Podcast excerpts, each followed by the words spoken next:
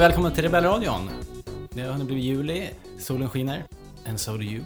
Som Ja. de sjunger på radion. Mm. Det är ju jag då, Robert, eh, den ständige sekreteraren. Hej, det är jag kan du säga. För då vet man. Ja, okej. Det är alltid du. Ja.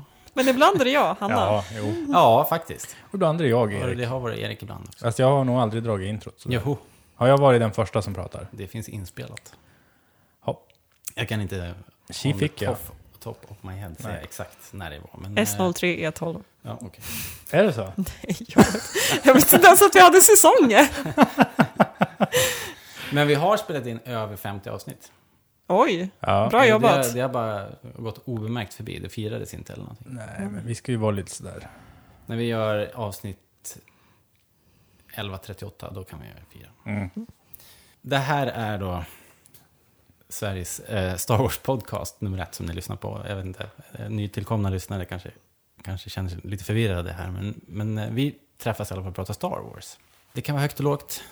Det kan vara aktuellt, eh, lite kommentarer på nyheter kanske, eller bara sentimentalt, eller någon rolig diskussion eller någonting. Ibland så tar vi gamla grejer. Podcasten är inte den slipade spetsen på spjutet så att säga. Utan den har vi på vår blogg. som Om vi snackar på- nyhetsflödet. Precis. Ja. Nyhetsflödet om allting Star Wars. Just det. Det är den bästa källan för information, tycker jag. Helt opartiskt. Du har ju en häst i det här racet, som Mm. man brukar säga. Men det är ju rebellradion.se. Ja, Och där finns, det är bäst. det är fas, fasen bäst. Mm. Om man vill veta och det Facebook allra senaste. också, rullar ju konstant nyheter och kommentarer där.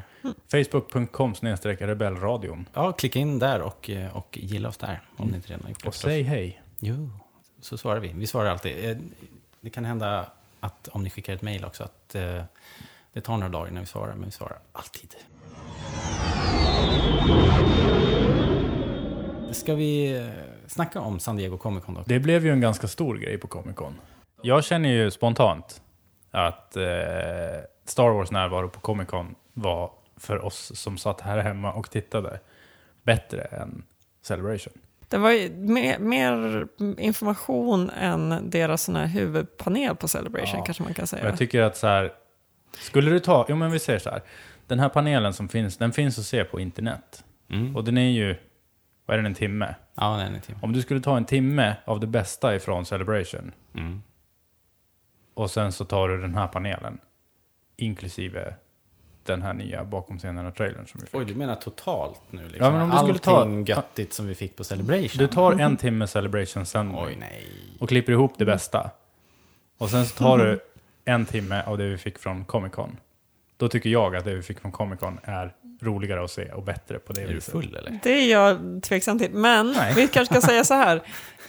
De hade ju förvarnat innan om att de inte skulle komma med någon ny trailer, de skulle inte komma med några Mm. liksom, nya klipp eller så, så att vi hade väl Jag ganska låga förväntningar Ja, eh, på vad vi skulle få se. Alltså vi visste ju att så här, folk kommer köa i all evighet och så, men att det kändes ändå lite tveksamt att det skulle vara så mycket mer än att bara mysa med Star Wars. Mm. Men det var ganska mycket mer. Ja, det blev ju det.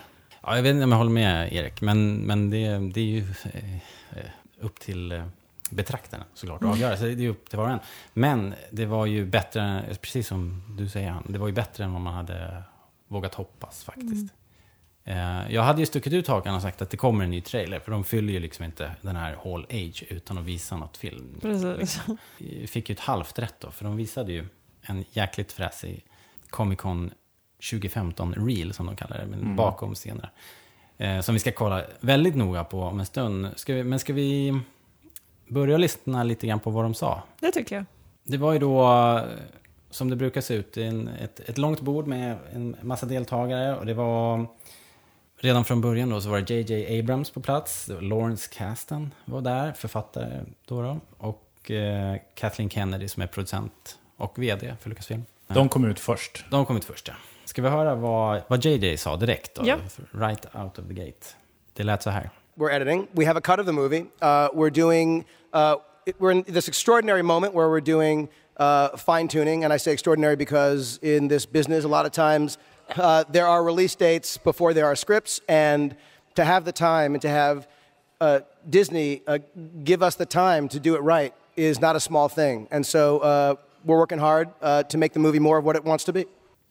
Nu pratar han om The State of Star Wars Mm, det var en liten produktionsrapport. Ja, corporate mumbo jumbo och ryggklappning skulle jag kalla det där.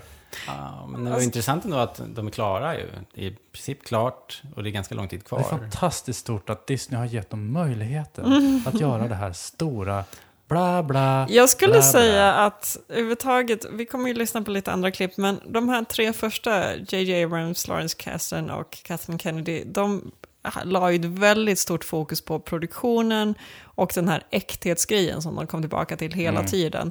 Eh, och det släppte de ju aldrig riktigt, utan Nej. det handlade ju om att liksom förstärka att Star Wars är en gedigen produktion, vi lägger energi, vi lägger tid, vi lägger kärlek till det. Mm. Och det här är ju en av de sakerna, ja men vi har så mycket tid så vi kan vänta nästan ett halvår och eh, nu kan vi bara finputsa så det blir helt perfekt. Ja, precis. Jag känner ju att de har huggit fast i det där som en rottweiler och det blir lite så här, det börjar kännas, alltså jag tyckte att det kändes fint ifrån början och, och det vet ju alla att det är ju precis det man vill höra, att så här, Star Wars, det ska vara mm, på det här viset. Och, sen, och sen fortsätter de att mala på om det, så nu känns det som lite bilförsäljare. Ja, det blir lite tjatigt tycker jag också. Mm, det känns lite skriptat kanske. Men, men ni glömmer, eller väljer att glömma, som, som de säger, eh, att eh, det var ju faktiskt satt ett tidigare releasedatum från början. Filmen har ju flyttats fram en gång. Så därför så är det han säger ju i högsta grad liksom intressant. Han har ju tjatat till sig den här bufferten. Ja. Så, så det är väl bra liksom att de inte... Eller så var han bara tidspessimist och vi hade kunnat få en film om två veckor.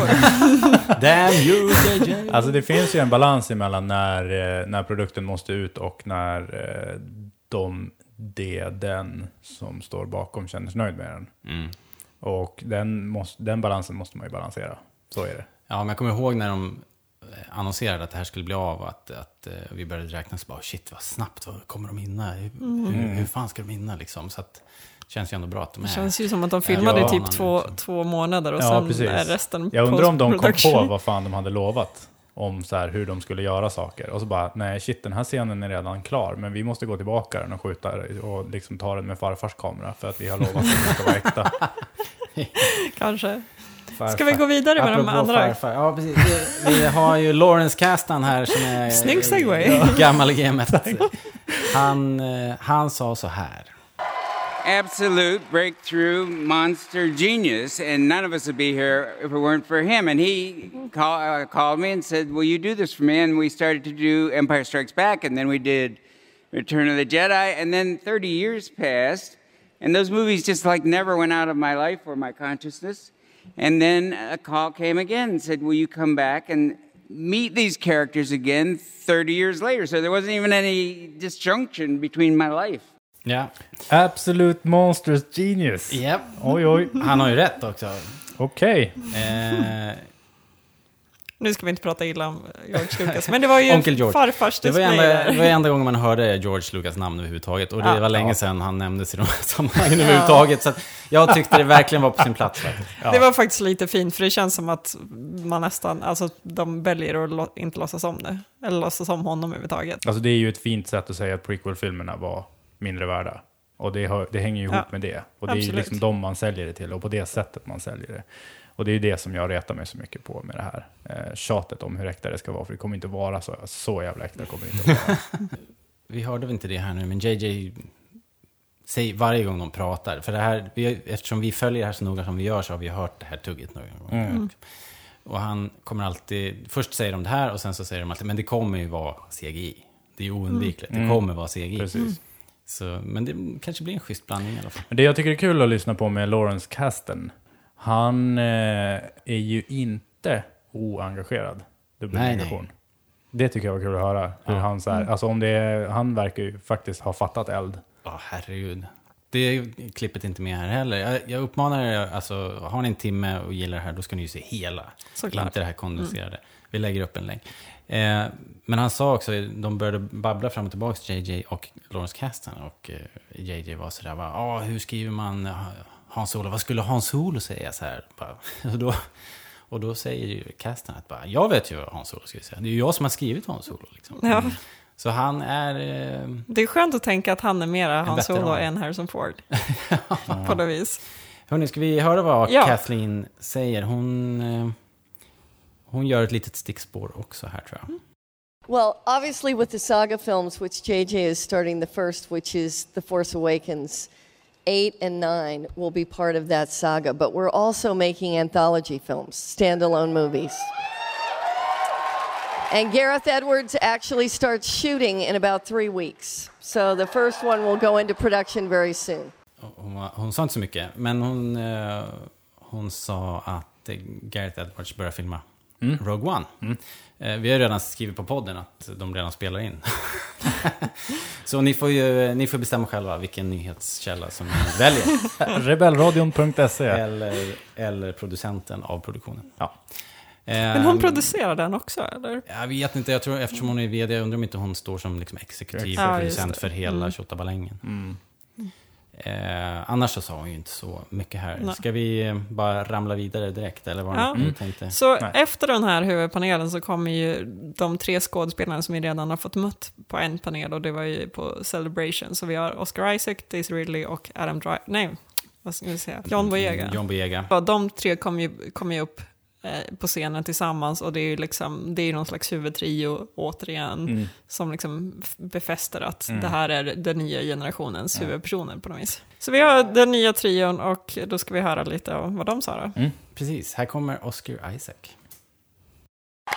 as an excited, eager actor, you know, I, I wanted to talk to Harrison about piloting and, and, and, and about how should I do it? You know, is there any special things that I should do? And just how do you work with the controls? And he, he said, um, it's fake.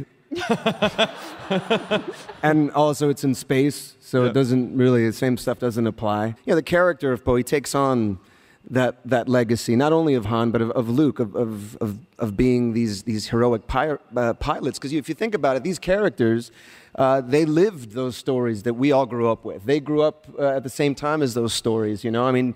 Poe was probably uh, he was there watching uh, on, on Yarvin, you know, when the medal ceremony was happening, thinking, "I want to be that. I want to be a hero, and I want to take up that mantle." And uh, and I think that's what he does. You know, he, he even sometimes recklessly so. Um, but uh, but yeah, so so really connecting it to that old world, uh, it was special. På Jarvin alltså. Ja, men jag skyller det där på hans brittiska eh, accent. Ja, ja, någonting.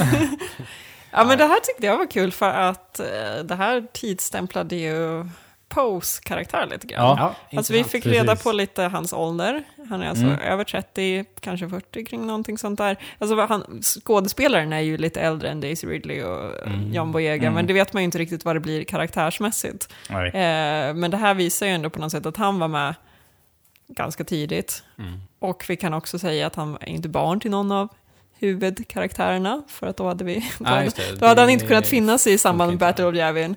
Eh, han kan ju såklart vara någon släkting eller någonting annat, men, men liksom, det är ju många som förväntar sig att någons barn, alltså att liksom, vi pratar om Lukes liksom, avkommor, vi har Han Solo och Leias avkommor och lite sådär. Alltså det känns som att det är många som väntar sig att något barn ska dyka upp i filmen. Och här kan man ju i varje fall säga att det är nog inte på. Nej. Nej. Men sen en kul tanke att liksom, alltså att han säger det. Det har ju funnits med i så här någon obskyr liten te- serietidning eller något sånt där om att, om att de här är kändisar, de här hjältarna. I de här Rogue Squadron-serietidningarna om X-Wing-piloterna så, får, så, så tar de ju upp lite grann att de ska åka omkring och vara motivational speakers typ. Just det. Ja. För att, så Poster som, boys. Ja, men så som det var under andra världskriget, Mm. bland annat. Så det är ju mycket av Star Wars är ju i grund och botten taget därifrån till originalfilmerna i alla fall. Eh, så att det, de beter, beter sig- i Star Wars så som i verkligheten på Ja, ja, precis. 40-talet. Att man paraderade runt sina, sina krigshjältar så fick de berätta om, om vad det var för någonting. Och det är kul att, att han tar med det i film Star, i, i film Star Wars-sammanhang. I sin bakgrund. Liksom. Mm. Ja, det gör ju lite fylligare Star Wars. Mm, precis. Att, och då, då får man ju genast så här känslan av att det finns någonting däremellan. Från Mm. att Luke sprängde första dödsstjärnan Mm. till att Poe Dameron kör en modern X-Wing. Då har det, det har levts liv under den tiden. Absolut. Ja, det, tycker jag är, Ja. det tycker jag är jättekul med det här. Väldigt intressant att höra faktiskt. Um, Daisy Ridley, eh, jag tror vi hoppar det, hon, var, hon, är, hon är ju bara glad att vara där. hon Alltså, är hon är alltid ett så sprudlande Ja, glad. visst. Eh, med sitt eh, fantastiska leende. Hon får ju någon fråga senare i, i frågepanelen, som, där något i stil med liksom, hur känner ni att den här produktionen är i förhållande till vad ni har varit med om tidigare? Och hon erkänner ju glatt att jag har aldrig varit med på någonting Nej, tidigare. Hon är ju liksom sprudlande färsk från någon scenskola eller motsvarande. Ja, jag tycker att hennes, hennes leende i de här bakom scenerna grejerna är så väldigt roliga. För hon kan liksom... Eh, hon har, så här, hon har, två, hon har liksom två eh, modes. Och det ena är när hon pratar och det andra är när hon ler. För att så här, då kan inte hon göra så mycket annat för hela hennes ansikte Hela ansiktet skiner upp. Det är roligt.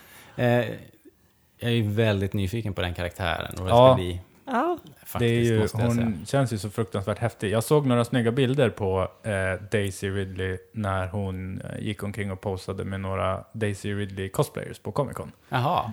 Och sen så fanns det samma sak ifrån, eh, nej vänta, det kanske inte var några från Celebration. Men i alla fall, nu ifrån har man fått se det.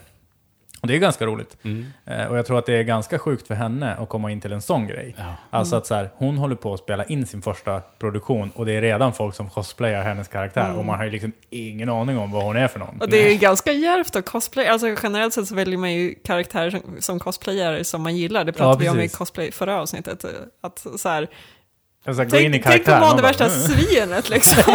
och så bara, hopp, det var ju roligt. Barnamördare. Liksom. Ja, precis. Kanske... Ja, Sannolikheten kanske inte så stor, Inte men så ändå. stor. Nej. Så att det inte blir en Jar Jar till här. Det är som att tatuera Jar Jar på ryggen. Efter det här då kom ju eh, The Dark Side in. De paraderade in Adam Driver, eh, Donald, Gre- Donald Gleason och eh, Gwendolyn Christie. Ja, en brokig skara. Ja, ja får, man, får man faktiskt säga. Det är ju Eh, inte samma entusiasm och sammanhållning som de tidigare tre. Nej, alltså nej, verkligen inte. Men, eh, men, men sköna ändå, måste jag säga. Ja, jag blev entusiastisk när de tre kom. Jag hade, jag hade förväntat mig Adam Driver, för det kändes som de inte kunde hålla på honom längre. Men att ta alla tre kändes Ja, jättespännande. det var kul. Väldigt roligt. Ja, Och, och klumpa ihop dem också. Driver hade att säga. Han hade eh, en liten utläggning här. Uh, we didn't really have a lot of conversations about um, bad or evil, actually, when we were uh, shooting it. Th- It was more, um, what do you think is uh, uh, the difference between being uh, bad and being uh, right? I think which is a huge difference. Han är ju en mästare med ord, den här Adam Driver. Jag tyckte ju, jag satt ju och blev jättebesviken på honom under, med, med liksom generellt, generellt sett hans beteende under den här Han var lite svår. Alltså han var ju lite hög. Liksom, Ja. och så här, satt och bara dum, fjanta sig och var så här skitlöjlig. Så att jag, tyckte, jag tyckte det kändes skitdåligt. Tills han sa det här. För det här var ju verkligen någonting intressant. Jag tror att de var nervösa. Jag tror att det, jag tyckte jag såg på Driver och på Gleason att de var nervösa. Ja. Gleason, han var ju paneler, maniskt tänker jag. eh, skruvande på någon vattenflaska och, Ja. och sippande på den. Ja. Så jag tror att det, det, det är stort liksom. Det var ju över 7000 pers Mm, jag hoppas det. Kanske, eller alltså, jag, jag tänkte också på att så här, de, de, är ju, de har varit med i stora produktioner, alltså Adam Driver med Girls som är jättestort, men jag tror inte det finns Girls-paneler på Nej. det sättet. Jag- Alltså, så jag tänker att de är kanske inte så panelvana, även om det, de är rätt rutinerade skådespelare. Men samtidigt som Adam Driver här beter sig exakt som hans karaktär i Girls, så jag undrar liksom ifall det här är hans persona, liksom, eller någonting att, att så här, det här är kanske så han är. Faster, more intense. Alltså jätteklurig Ja, person. Jag han, var ju, har- han ville ju inte riktigt svara på några frågor egentligen. Han svarade ju inte på några frågor. Nej. Han Men- satt ju bara där och... Ja, Men de det han säger om det här tycker jag är intressant. Ja, Alltså, eller jag tolkar det ju tanke. som att liksom, eh, ja, men, hur man ser på ondska i allmänhet, att tror man att man är rätt så kan det bli så mycket värre. Mm. Och det här tycker jag är kul i, om man tittar hur Star Wars började när det var väldigt vit hatt, svart hatt Mm. eh, grejer. Och det har man ju fått höra på alla de här bakom scenerna grejen från precis i början. Och sen har fått se utvecklingen av det här genom Star Wars. Jag tycker det är ganska stor skillnad bara i de första tre filmerna. Mm. Och där är det ju att i, i första filmen då var det så här, det här ska vara ont och det här ska vara gott. Det är ont att vara svart, det goda att vara ljust och sen så är det väldigt western av det hela. Men efter den, då börjar ju de där gränserna bli lite så här svajiga. Vem är ond och vem är god? Eh, är den första grejen som det börjar svaja på. Och det har kanske hållit sig så fram tills, ja nu då. När det börjar bli vad är gott och vad är ont. De var ju lite inne på det i prequel-filmerna med eh, Anakin Skywalkers Mm. motivation till varför han blev Darth Vader. För han ville ju inte bli Darth Vader för att sprida ondska. Nej. Utan det var ju någonting som han gjorde för att han trodde att det var rätt. Och det finns ju den gamla quoten att eh, good is a point, point of view. Och eh, det är Ja. väl det han är inne på här. Ja, precis. Om man har en motivation och sen eh, backar upp det med någon sorts ideologi, Mm. då, då kan det ju bli hur snett som helst. För då tar man sig rätten liksom, att eh, till vilka medel som helst forcera rättvisan eller sin sanning. Liksom, Jag, på tror, omvärlden. jag tänker, eh, alltså nyckelordet här känns ju som ideologi. Alltså jag Mm. tycker det här känns som så här, vi pratade om eh, att det var väldigt mycket så här, tredje riket-estetik i Mm. trailern, eller vi Mm. kunde se en del. Och det, känns, det här känns som samma koncept. Ja, att vi har liksom den här eh, enväldet som Mm. ändå på något sätt är helt övertygad om att det de gör är det bästa sättet att undvika kaos till exempel, eller Mm. något motsvarande. Eh, och jag menar, det finns ju hur mycket studier som helst på huruvida nazister är onda eller inte och vad som driver folk till det ena eller det andra. Så att, Mm. så att det känns som att det, det, liksom, det här känns ännu starkare, eller känns som en ännu starkare koppling till det vi har i, i vår värld, där folk har liksom, ger sig hän saker Mm. För att, för att de har på något sätt övertygats att det här är rätt eller inte. I ideologins Ja, namn så Ja. blir Och, det här, allting och, rätt. Liksom. och, Ja. och det är liksom väldigt närvarande för oss, så att det känns naturligt att de har det även i Star Wars. I och för sig kan Star Wars bli ibland en hel liksom, fantasisaga och så här, men här har de ju ändå någon slags koppling till vår värld. Mm. Som jag Det är tycker är, bäst när intressant. det finns när det finns den grunden så är det ju som bäst, tycker Mm. jag. Så, Någonting som jag funderar över det är ju om det inte bara är Palpatine, måste jag veta att han var ond. Ja, fast det, jag tycker man, om man, om man läser nu så, liksom, eh, han har, sin, han har sina motivationer liksom. Och det är ju inte för att han ska plåga, eh, plåga befolkningen. Han vill ju bara ha makten. Liksom. Dels vill han ha makten och sen så mm, tror jag att han tycker att hans sätt att styra är vettigare än Jedi Alltså för jag, jag sätt känner ju lite grann att när man får se hur, eh, eh, hur han uppenbarligen skådespelar det där när han är eh, Chancellor Palpatine. Mm. Och liksom, Alltså han vet ju Ja. att det han, hans motivation är ju inte samma som det han låtsas vara som Palpatine, eller som Chancellor. nej det har du Eh, rätt i. Men, men jag är inte säker på att han tycker att det, alltså jag tror att han tycker att det han gör är det bästa. Ja, och det var ju faktiskt han som sa Good is a point of view, Ja. Anakin. Just. Precis. Så, Och för honom är det ju en liten personlig vendetta nästan också mot Jedi-orden. Mm. Ja. Så där blir det väl såklart ehm, tydligt för oss då. Mm. Liksom.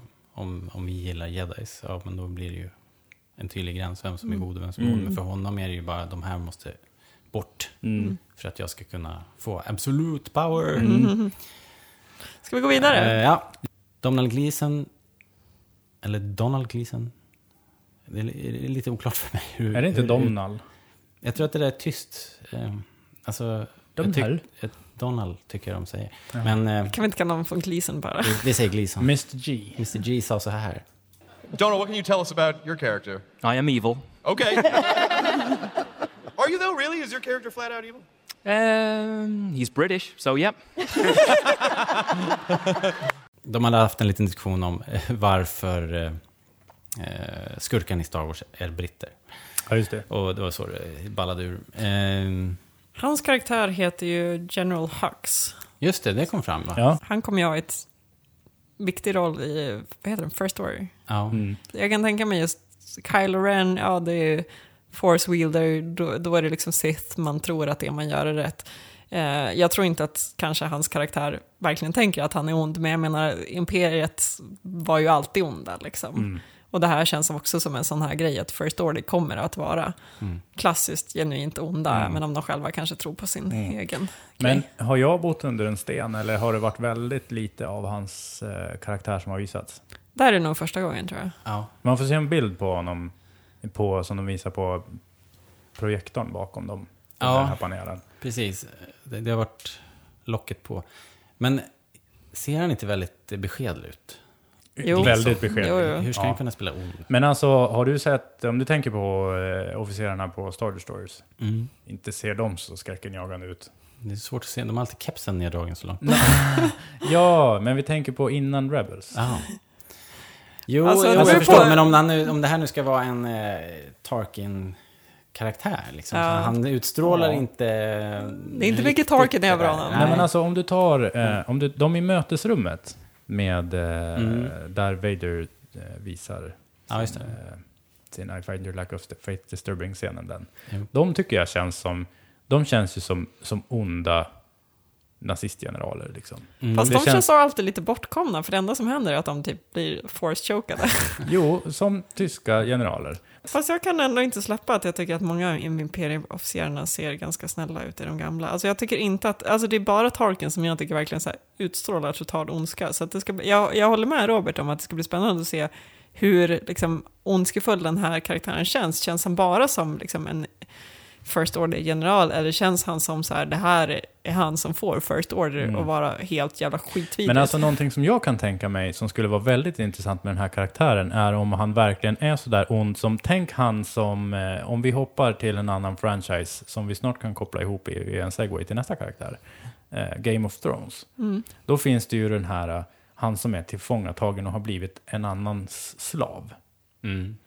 Han med krulligt hår, pojkigt ansikte. Jaha, eh, Den, Theon Greyjoy. Ja, Nej, eh, The Bastard. nej, han som Ja, är, Greyjoy är ju han som är fången, men den som är... Han som håller på att fascisten- reta Ja, men Ramsay. Ramsay. Ramsay. Ja. Ja, Ramsay han, ser ju, han, har ju, han är, har ju ett pojkigt ansikte. när I hans karaktär i Game of Thrones, när han visar sin goda sida, Mm. då ser ju han väldigt snäll och liksom rar ut. Ja, Och sen så bara, värre, liksom. och, och då, det är ju det som gör att det blir så fruktansvärt hemskt när, han, när det bara är liksom ett mörker i den där pojken. Mm. Eh, och det är det jag hoppas på den här karaktären. Att det ska vara så här, att man ska liksom underskatta honom totalt Ja. och sen så bara burn the village. Eller liksom, Ja, vi får hoppas det. Gleason måste skådespela skjortan av sig här. För, Ja. för att, Men det är han i sant. sig ser ju rätt snäll han ser ju väldigt snäll och trevlig ut. Så att vi Det får- ska bli, ja men det är sant. Alltså, Men han är Ramsey rödhårig, Bolton det är är ju- ett bra exempel på just den där Ja, mixen. just så det. kan Att det nog blir så vara- himla hemskt när det, när det finns en ondska i någonting som ser så snällt ut. Nästa karaktär.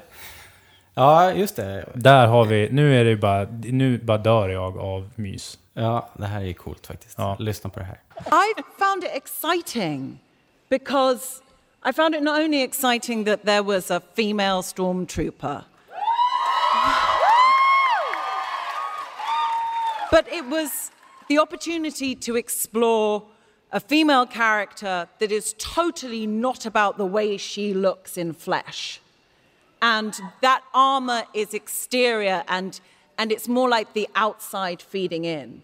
And I just found it very exciting that underneath that, that armor is a woman. And I think it makes it really more relevant than ever. Och jag sitter här med gåshud. Ja, jag är alltså så himla det känns- fangirl så Ja, det finns inte. Det är så här, tack för oss för att, eh, ja, nej, gud. Vilken, vilken, vilket tillskott till Star Wars. Ja. Det är Herregud. ju lite intressant det de pratar oj. om. För att, alltså, de, nämner, de skämtar ju lite om att så här, glömmer du bort att du är med i Game of Thrones? Så för er som inte har sett Game of Thrones, som spelar en eh, rid, riddare kan man säga. Den där, bästa karaktären i Game of eh, Thrones. Som heter Brienne. Eh, och där spelar hon ju också liksom väldigt muskulös, hon har röstning på sig genom allting. Hon liksom, porträtteras aldrig som feminint eller nedsättande eller något sånt där, vilket är ganska unikt i Game of Thrones. Däremot, det som jag tror blir den stora skillnaden här är att hon pratar om att i Star Wars så kommer liksom inte hennes kön spela roll, medan i Game of Thrones så, så spel, det ja, det problematiseras extremt mycket. Alltså hon, hon spelar en riddare trots att det är en kvinnoförtryckande värld och hon hånas ju väldigt mycket Mm. för det här. Och, och att det liksom anses extremt fult och ofeminint att, Mm. att slåss som Precis. kvinna. Men det du sa om att hon glömmer bort att hon är Game of Thrones, det är så roligt när hon är så här, hon är så här, men herregud vad, vad kul det här är. Och alla bara, inte du rutin på det här vid det här inte- laget?" Kan inte du det här? Liksom? Du är med i... Hon måste ju vara den mest panelvana, tänker jag nästan. Det känns ju som Ja. det. Och det kanske bara är, hon kanske vet precis vad hon gör. Liksom. Men det var ju så jävla kul att se hennes Twitter-konto. När hon fick eh, hashtag Fasma, då, får, då blir det ju Ja, just då blir det ju en stormtrooper-gubbe Ja, i just det. Twitter. Och det hon twittrade, det var hashtag Fasma, hashtag Fasma, hashtag Fasma. Hon ville, hon ville bara ha... Ja, det var så glädje-twitter. Ja visst, att så här, hur stort är det inte att, eh, att hon har en egen eh, hashtag-symbol. Leta upp alla de här nya skådespelarnas Twitterkonto för att det är bara en fröjd att se Ja. deras interaktion med fansen på Comic Con. Nu, det, var, det är bara så himla fint. Mycket bra. Ja, men vi har ju... Det är positivt då från vår sida. Eller? Vi älskar ju de här, de här sex personerna Ja. och eh, det ser riktigt bra ut. Gud vad bra att vi pratade om det här med Driver nu, för nu känner jag mig mycket mer laddad igen. För jag fick ju en liten dipp av han. Men det är klart han är nervös. Hur är, hur är. Girls-fansen? Ingen aning. Nej. Jag har inte sett så mycket Girls För heller. tänk om de skulle vara svinjobbiga och så bara, nu ska du få träffa fansen. Och han bara, åh herregud. Hur många var de? 6000 där inne? Ja, ja. Det är nog en eh, ganska annan fanskara än mina girls. Jo, jo, men det kanske inte han vet. Men det kanske också spelar in att de är livrädda för att göra bort sig. Liksom. Ja, visst. Eh, eller att det ska bli dåligt. eller Vilket att de, ska gör, för sig, han, det var väl han som... Gleason, Gleason. Eh, råkade läcka, eller så här, harfnuttar råkade läcka. Jag har en känsla av att det är betydligt mer skriptat än, än vad vi tror. Ja, alltså jag tycker ju generellt sett att, alltså någonting som jag skulle vilja se, det är ju bakom scenerna-filmen på bakom scenerna-filmen. Behind the scenes eh, på San Diego. ja, precis. Jag tror att det är väldigt få saker som... Ja, jag tror det också. Eh, Det han sa var ju att eh, han är befälhavare på en bas som Mm. heter Starkiller Base. Ja, det var både bra och dåligt tycker jag. Eh, att den heter det. För att nu, det finns ju en karaktär, fanns, Ja. beroende på vad som gäller. Ja. Eh, en karaktär i Star Wars som heter Starkiller. Och det är ju, Starkiller är ju namnet som Luke Skywalker skulle ha när det var på skissstadiet. Ja, i ett tidigare utkast till filmen så han Precis. Starkiller. Och det är sen- det han nämner här. Att det är, Ja, därför, att ja, det är kopplingen här. Yes, precis. Och i eh, Force Unleashed-spelen så spelar man Galen Merrick, heter han det? Han heter Galen i förnamn i alla fall. Ja. Som får aliaset Starkiller. Mm. Så att det är en karaktär som finns. Och då var det ju samma sak. att När man fick se bakom scenerna grejer från det spelet så var det ju att ja, men det var det som Ja. var. Så vi Ja, tar det precis. namnet. Och så, Jag så nu tyckte- heter den basen. Jag tyckte med tanke på det att det var lite, lite, det var lite klumpigt nästan. Och säga det. Ja, men att ta, ja. att ta Starkiller. Det, för det känns som att det är så... Det är etablerat. Men spelen är så etablerade och liksom Ja. det, det känns som Ja, att det var upptaget helt enkelt. Men jag hoppas ju att de kan eh, göra bot och bättring genom att den är döpt till Starkiller i och med hur typ så här mäktig den är eller något sånt där. Mm. Typ tänk dig dödsstjärnan, det är ju precis vad den är. Ja. Som Starkiller Base är typ, jag vet inte. jag. Spränga lite stjärnor. Men jag hoppas, och nu, är Ja. jag, nu hör jag på, stör inte mig i mitt Star Wars fandom-utövande och Nej. försöka förklara de här grejerna. Men vi kan ju säga att den är egentligen, i- alltså i filmerna kommer den ju inte vara uppdöpt efter vare sig Lukes eh, bonusnamn eller eh, karaktären Starkiller från Force Unleashed för att ingenting hänger ihop med det. Så det är ju bara någon slags eh, meta-grej. När vi hade pratat klart om, eh, eller pratat med eh, Driver, Gleason och Christie, de, de tre nya ondingarna, då kom de här som eh, nu populärt kallas för Legacy Characters in. Det var alltså Carrie Fisher, Mark Hamill och en eh, special guest på slutet. Harrison Ford dök upp. De tog inte så mycket plats här, de två första, Carrie Fisher, de, eh, Carrie Fisher och Mark Hamill, de sa i princip bara eh, att det var kul att vara tillbaks. Ja, det blir de ju lite så väntat, här- att de fått väntat länge. Ja, jag tyckte att det var konstigt. Det var ju två saker med det här som jag tyckte var jättekonstigt. Och det var ju att dels att Carrie Fisher var tyst. Mm. Och att Mark Hamill var tyst. För han brukar ju ha något sånt här, du vet, ett, ett sånt här tal som gör att en na- nation reser sig och så här, gör gör inför Han körde lite på det ju. Så här att eh, vi är här tack vare er och jag hade inte varit någonting utan er. Och så Nej, och sen så är ju, han säger ju i och för sig, i den här trailern så säger ju han, ja men något sånt där. Ja. Att det är fint det är. Och han, han är ju han är ju väldigt bra på det här. Eh, det tyckte jag var lite konstigt att, att de gav, att de gav honom så lite utrymme. Han kanske blivit tillsagd att ta det lite lugnt. De höll det lite kort Ja. där för att eh, Harrison Ford, som då inte har eh, någon gång, alltså sen det begav sig på 80-talet, varit, eh, hållit några intervjuer och pratat Nej. om Star Wars. Han dök upp här Det är ju hans trademark. Till Folkets jubileum. Ja, han har ju liksom varit eh, pluttrig och dissat Star Wars och Ja. distanserat sig från Star Wars. Men jag tycker... eh, Men nu passar det. passar liksom. Ska vi lyssna på Ska vi höra vad han sa? först? Eh, så, så kan vi eh, dissekera sen. Mhm. Så här lät det. Ladies and gentlemen, Harrison Ford!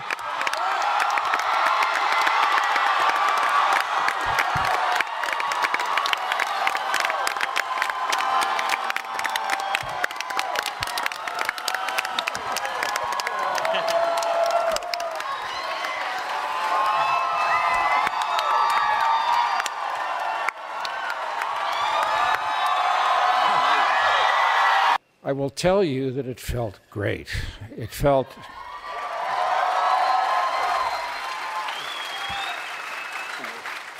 I wasn't so sure it would, but uh, the company uh, was the right company. The director was the right uh, director. Uh, Larry wrote us a, a wonderful story, and I was uh, proud and grateful to once again be involved. Oj, oj. Applåderna vill aldrig dö ut. Nej, jag tror att anledningen till varför Harrison Ford har varit så tyst är för att han har heder i kroppen och vet att han är överskattad i Star Wars.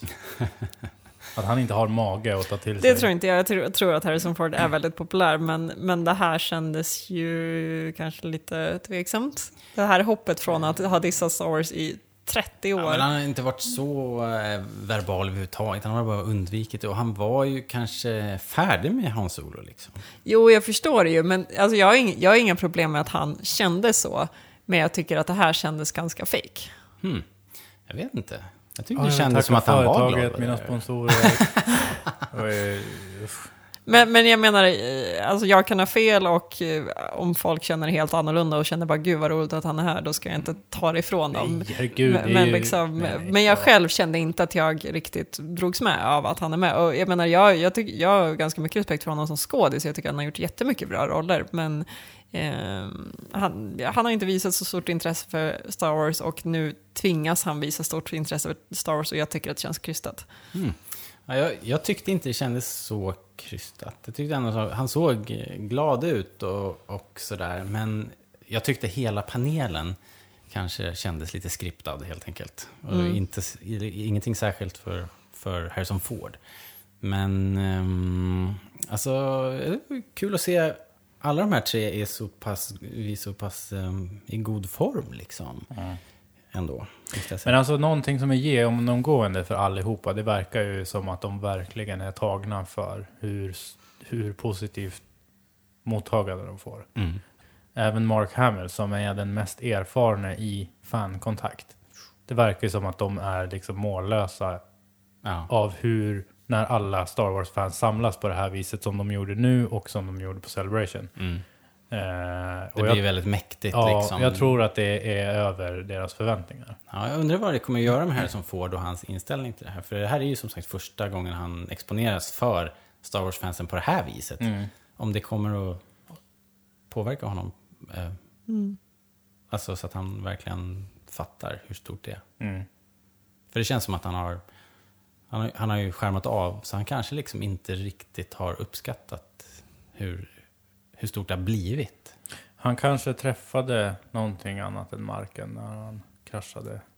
Och såg en, kom till en insikt som han inte har haft innan. Han såg ljuset. Såg sin egen Men nu, ehm, storhet och dödlighet samtidigt. Han var betydligt pratigare nu ja. Mm. Eh, jag tycker det är trevligt. Mm, han det hade också, de gjorde en liten intervju bakom scenen sen. Just det. Eh, där han sa massa bra saker. Vill ni höra vad han sa? Yes. Ja. Jag kör igång här. It's too late for them. I mean, it's it's over. Uh, life as they knew it is uh, is no longer possible. It's uh, it's a you know you've you've checked in for the for the biggest e-ticket ride uh, there ever was, and uh, I actually did have a bit of a serious um, conversation with Daisy, who who inquired about what the experience was like for me um, some centuries ago when uh, when this all started, and I, you know, I said your life will change and you uh, will get used to it, and you will be um, by turns uh, happy and delighted and employed and then you'll wonder what the hell happened uh, every once in a while. Because you you turn from uh, the natural state of an actor is to observe life around them, and um, now you have to figure out how to do that when all anybody's looking at is you. Um, so it's a it's going to be it's a huge uh, change in your life, and I, I you know they're smart enough to know that themselves. Den här eh, intervjun som var här, Mm. den är så rolig för att eh, jag såg den inte när den gick utan det var ju så här Super mega huge Harrison Ford interview. He reveals everything. Och det var så här, jag var så här, men vad är det för intervju? Jag har inte vetat om att den här stod på schemat. Jag hade ju förväntat mig att klicka upp det här klippet och så bara två timmar och 30 minuter sit down med Harrison Ford. Men det är det ju inte. Det är ju bara relativt stor intervju eftersom att han säger så här. Jag tycker i alla fall att det var rätt härligt att höra honom prata som, som liksom skådespelare och, eh, och eh, med den här värmen. Det, det var ganska uppfriskande. Ja, det känns som att han engagerar sig i de nya skådespelarna och sånt Mm, där, vilket mm. är ganska trevligt. Precis. För annars har det känts som när, när folk liksom, eller när de nya skådespelarna har pratat om att, ja ah, men hur kändes det att spela med de gamla? Då kändes det som att det blev, det var ett ganska avståndstagande, att så här, de hade liksom gått fram och pratat med Harrison Ford och han och liksom varit lite så här färniga och att han på något sätt är ganska, liksom, lite kylig och så här. Men Mm. här känns det ändå som att han ändå har, har, har engagerat sig. Ja, men jag menar även liksom, trots att de Ja. spel, jobbar Ja, ja. i samma sätt så, Ja. så har han liksom känns lite grumpy. Men här, men här är det ändå, visar det att han på något sätt har brytt sig. Jag har ett eh, helt annat hjärta och det kanske han alltid har visat gentemot sina kollegor när han har jobbat så. Men som Inte man har fan fått så har man höra, inte fått höra.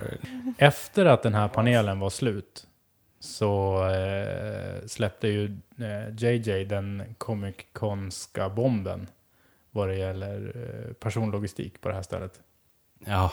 För då, gick, då sa han att de ska ha en, en Star Wars-konsert med, vad var det, San Diego Orkester.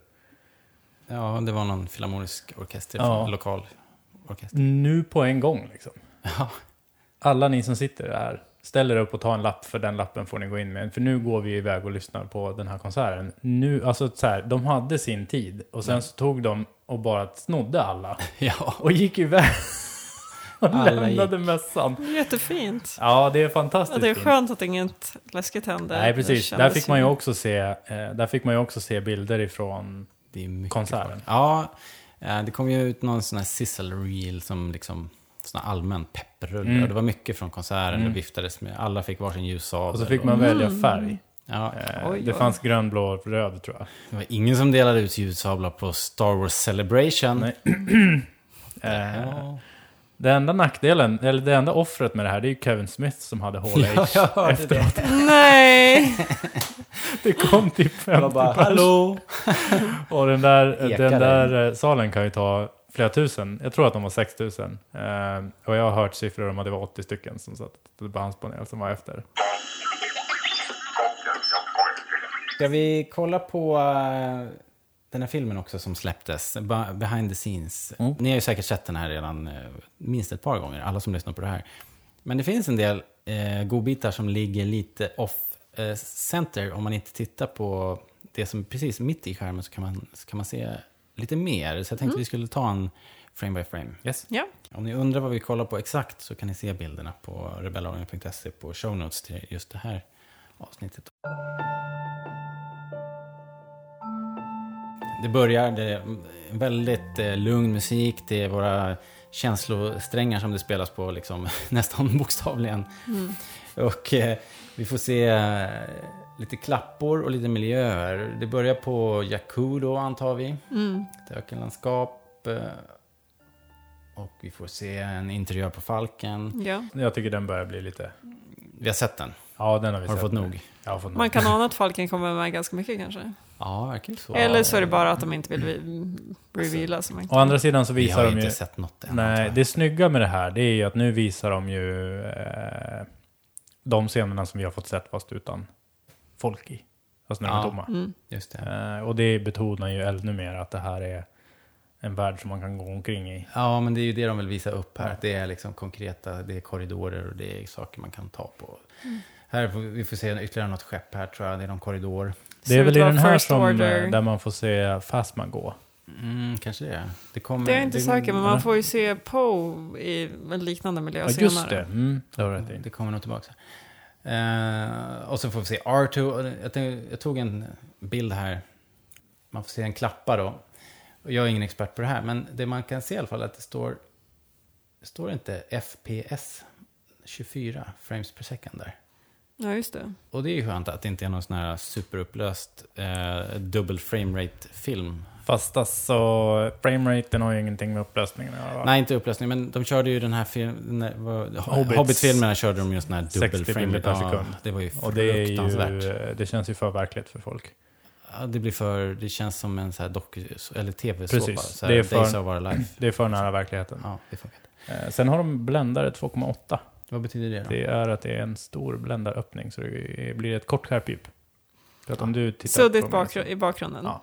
Och som, sen så får du se hur kort skärpedjup det är för att... eh, Ja, just, nästa klipp är Troopersna riktigt... Eh, det är bara den första som är i fokus liksom. Mm. Och det här scenen har vi sett från trailers också. Mm. Just det. Sen får man se några som sitter och myser. Ja, de, De här är såg nya. vi ju ur Vanity Fair. eh, tidningen som Ja, ja. kom. Mm. Var de här med... Det ser ut som en... Han är ju otroligt stor den här. Mm. Eller hon- Eller så är hon väldigt liten. De, Ja. där, de sitter ju nästan exakt som de gör i Vanity Fair-bilden. För där får man alltså se, vad kan det vara, 15-20 karaktärer samtidigt. Och det ska vara eh, Lupita Nyong'os eller Maskanatas, hennes karaktär då, hennes piratgäng. Ja, just det. Ja, det ser ju ut att vara samma tillfälle va? Ja. De här tycker jag ser ut som att eh, våra hjältar kommer att behöva en tjänst ifrån de här. Ja, jag känner Frågan exakt är bara samma. vad, vad våra hjältar kommer att måste ge dem Ja, för att få dem att göra det. Alternativt att de blir tillfångatagna på något sätt. Mm. Jag tänker att de kommer vara med hyfsat kort tid. Det är nog inga huvudpersoner. Men jag tycker han är otroligt stor den här personen. Alltså, han har ju armar som är liksom två meter långa. Ja, ungefär. Hennes topp är ju väldigt snygg. Eh, På tal om ingenting. Är det bara jag som tycker att den är lite så här uh, Jester med det här... Uh, Ja, men det är nog medvetet. Ja, det är nog medvetet. Med hennes, alltså, i, det, är- det som gör det är ju att hennes eh, luva, eller huva, ja. går i, eh, ihop med... Ihopsydd ser ut som med- att den har den här klassiska, den du tänker på tror jag. Ja, Mm. hovnarsluvan. Yes. Liksom. Eh, jag tycker också att den här stora varelsen här ser jäkligt bra ut. Man kom, jag tittade igen på den här eh, piratgänget, den bilden. Alltså man kommer ju alltid tillbaka till att de karaktärer som man kan ana är kvinnor är ju alltid människor, eller nästan exakt som människor i, i ras. Alltså den andra jättestora varelsen vi ser här Mm. är ju med största säkerhet en man. Han sitter Ja. med öppen tröja och lite sådär. Alltså sant. att a- alla de här stora klunsiga rymdvarelserna som inte ser mänskliga ut, de är alltid män. Det, Ja, det- börjar, det känns lite tjatigt, jag skulle vilja ha lite variation på det där. Jag håller helt och hållet med dig. Eh, jag tycker också att han ser ut som en setpiece som inte ser ut att... Alltså jag ser inte hur han ska kunna ställa sig upp och röra på sig. Eh, Nej, det blir ju imponerande i så fall. Utan det där är nog någonting att en arm och eh, hans huvud kommer att röra på sig. Sen har de någon enkel, eh, enkelt gjort för att han ska kunna andas. Så att det ser ut som att han andas typ. Lite så kanske. Eh, för jag har inga höga förväntningar på att den här ska röra sig Springa någonting. omkring. Nej. Eh, Utan det här är nog deras So practical effects. Som, och så blir det en begränsning av det för att det går inte att göra det. Jag får lite känsla av att det här eh, blir lite Moss Eisley Mm. Cantina-scen. Liksom. Det är det nog, eller Jabbas Court. Ja, Ja. mot- Men, det, många sitter ner och men är i so bakgrund och Det häftiga. är ju snyggt. Det är det fansen vill ha. Det är det bra. Klipp till en konceptbild, en kraschad TIE Fighter. Jättesnygg bild. Ja, en fantastisk bild. Och det kom ett tweet eh, strax efter att den här filmen var officiell eh, från en kille som heter André Wallin. En svensk eh, konceptdesigner som säger att eh, ja, jag är jätteglad och stolt över att de använde två av mina konceptmålningar i den här filmen. Så vad jag förstår då så är ju det här den ena. Ja. Bra jobbat Andrea, det är väldigt snyggt. Eller hur? Är det bara jag som tänker att det här finns TIE Fighters som han har tagit sig från First Order med? Och kraschat på Jakku. Ja, du tänker så va? Och flyr därifrån. Eh, Träffar Ray. Ray. Ja. Vi går från konceptmålning till en makett som sen blir En närbild. En, eh, ja, det här, jag undrar om det här också är målningen som man pratar om. Och det här är Ja, ja. ytterligare en målning kanske. Här, den... eh, Eller så är det ju här den riktiga. Det är svårt att säga faktiskt. Ja, jag skulle Ser riktigt säga ut. att det är koncept. eh, jag tycker att det är jättekul att se hur den ser ut. Eh, vingfästet. Ja, Den eh, balken som går ut. Den ser väldigt annorlunda ut ifrån hur eh, original TIE Fighter ser ut. Så det, och det röda som är målat på den. Den delen av eh, cockpit ser helt annorlunda ut. Från, ja, den är, eh, ju lite fetare där. Mm, precis, så att det är inte bara att de har målat om TIE Fighters. Nej, utan de har Eh, målat- Det är en de har gjort om, ja, det är en helt ny design. Mm. Det tycker jag är jättekul att se. Den tredje bilden i den här serien, då syns ju de vita solpanelerna ganska bra. Ja, och det här är ju, nu tittar vi på en stillbild, men det här, här är ju live action på så vis att det rör sig, det ryker och Mm. brinner och så. Så det här Det här är skulle, nog från skulle kunna filmen vara direkt ur filmen. Ja. Ja, jag, Eller tänk, jag, jag en- tror att det finns. I varje fall. Mm. Ja, jag håller med. Jag tror också det faktiskt. Ja, just det. Och att det är den man får se eh, löpa lite amok i hangaren. I... Det var väl lite osäker på, för den ser annorlunda ut. Ah, okej. Eh, Men jag tror, jag tror att han har flytt från First Order, kraschar, flyr på Jakku. Vi gick vidare och tittade på Falken här. Ehm, ja, inte så mycket att säga annat än den här ser ju datorgenererad ut. Det här är ju en 3D-modell. Men vad, vänta nu, jag tycker ju att eh, den här stilen som den här är presenterad i är ju ehm, en sån här animerad eh, slash konceptbildsstil som jag tycker är väldigt snygg. Eh, då det är att den är inte gjord för att se ut som ett foto. Om du tittar på kanten runt skeppet det. Mm. så har den en tydlig outline. Absolut. Eh, och det, nu, jag kan ju ingenting om det här så jag vet inte vad någonting av det här heter. Men man har fått se det här ganska mycket i eh, rörlig tecknat. Om man Ja, ska säga just så. det. Det är när man eh, förstärker de yttre linjerna så att Mm. man får en form av serietidningseffekt. Ja, liksom. typ. Eh, jag tycker att det är jättesnyggt. Jag tycker det ser ut som en inte så påkostad eh, konceptbild. en 3D-modell som man har använt istället för att göra en, en målning av den här komplicerade... Jag är helt övertygad om att konceptartisten inte fick tillräckligt mycket betalt. Så är det jag menar inte att det inte är bra gjort, utan jag menar att de får för dåligt betalt. I största allmänhet. Det, så är det säkert. Mm. Eh, alltså lite interiör. Här börjar Mark Hamill prata om att det är riktiga, riktiga sets. Yeah. Som om vi kunde ha missat det innan. Ja, precis. Inget nytt där. Sen kommer det lite animatronics. ehm, Ja, det är ju latexmasker som rör lite grann på sig. Men det är som du säger, det här kommer inte hålla om de inte sen förstärker det med. CGI. Om det här ska vara någon sorts huvudperson. Ja, ett ganska bra exempel på det är ju också den här, alltså på eh, Comic Con, på deras panel så kommer det ju in en ny karaktär som ska vara kanske mer någon slags bakgrundskaraktär eller Den man någonting. fick se i första. Mm. Man får se den lite kort också i den här filmen. Eh, liksom, det, det är liksom en ganska klumpig Den konstru bär konstruktion. Ja, den- liksom. Precis, det är en varelse som går och bär på massa burar och böjd och, och liksom se, ser ju häftig ut men ser ju inte tillräckligt verklig ut för att man blir lurad när man bara ser det sådär. Nej. Men däremot, ja, absolut, när man lägger på lite CGI så kanske det blir asballt. Eller om man går i bakgrunden eller något sånt där. Ja. Men i sig själv så känns det mera som en så här, väldigt snygg åkattraktion på typ Disney World. Men visst var den där med i första videoklippet som kom när det var någon Force for change Ja, det var ju precis. Ja. Absolut Mm. första. Den verkar ju vara designad för att vara en bakgrundsfigur. Mm. Liksom, Mm. Precis. och, och på så vis så funkar den ju utmärkt. Absolut. Och där är ju deras grepp är ju så fantastiskt snyggt, för vi har ju verkligen inte fått se någonting i princip. Nej, Eh, så att Samma nu så kan de använda samma en sak. Ja, de kan använda en sak som är ifrån en ganska irrelevant teaser-grej som vi fick se väldigt tidigt. Och den har lite cred. Mm. Så att när de tar upp den så är det så här, åh den där känner jag igen.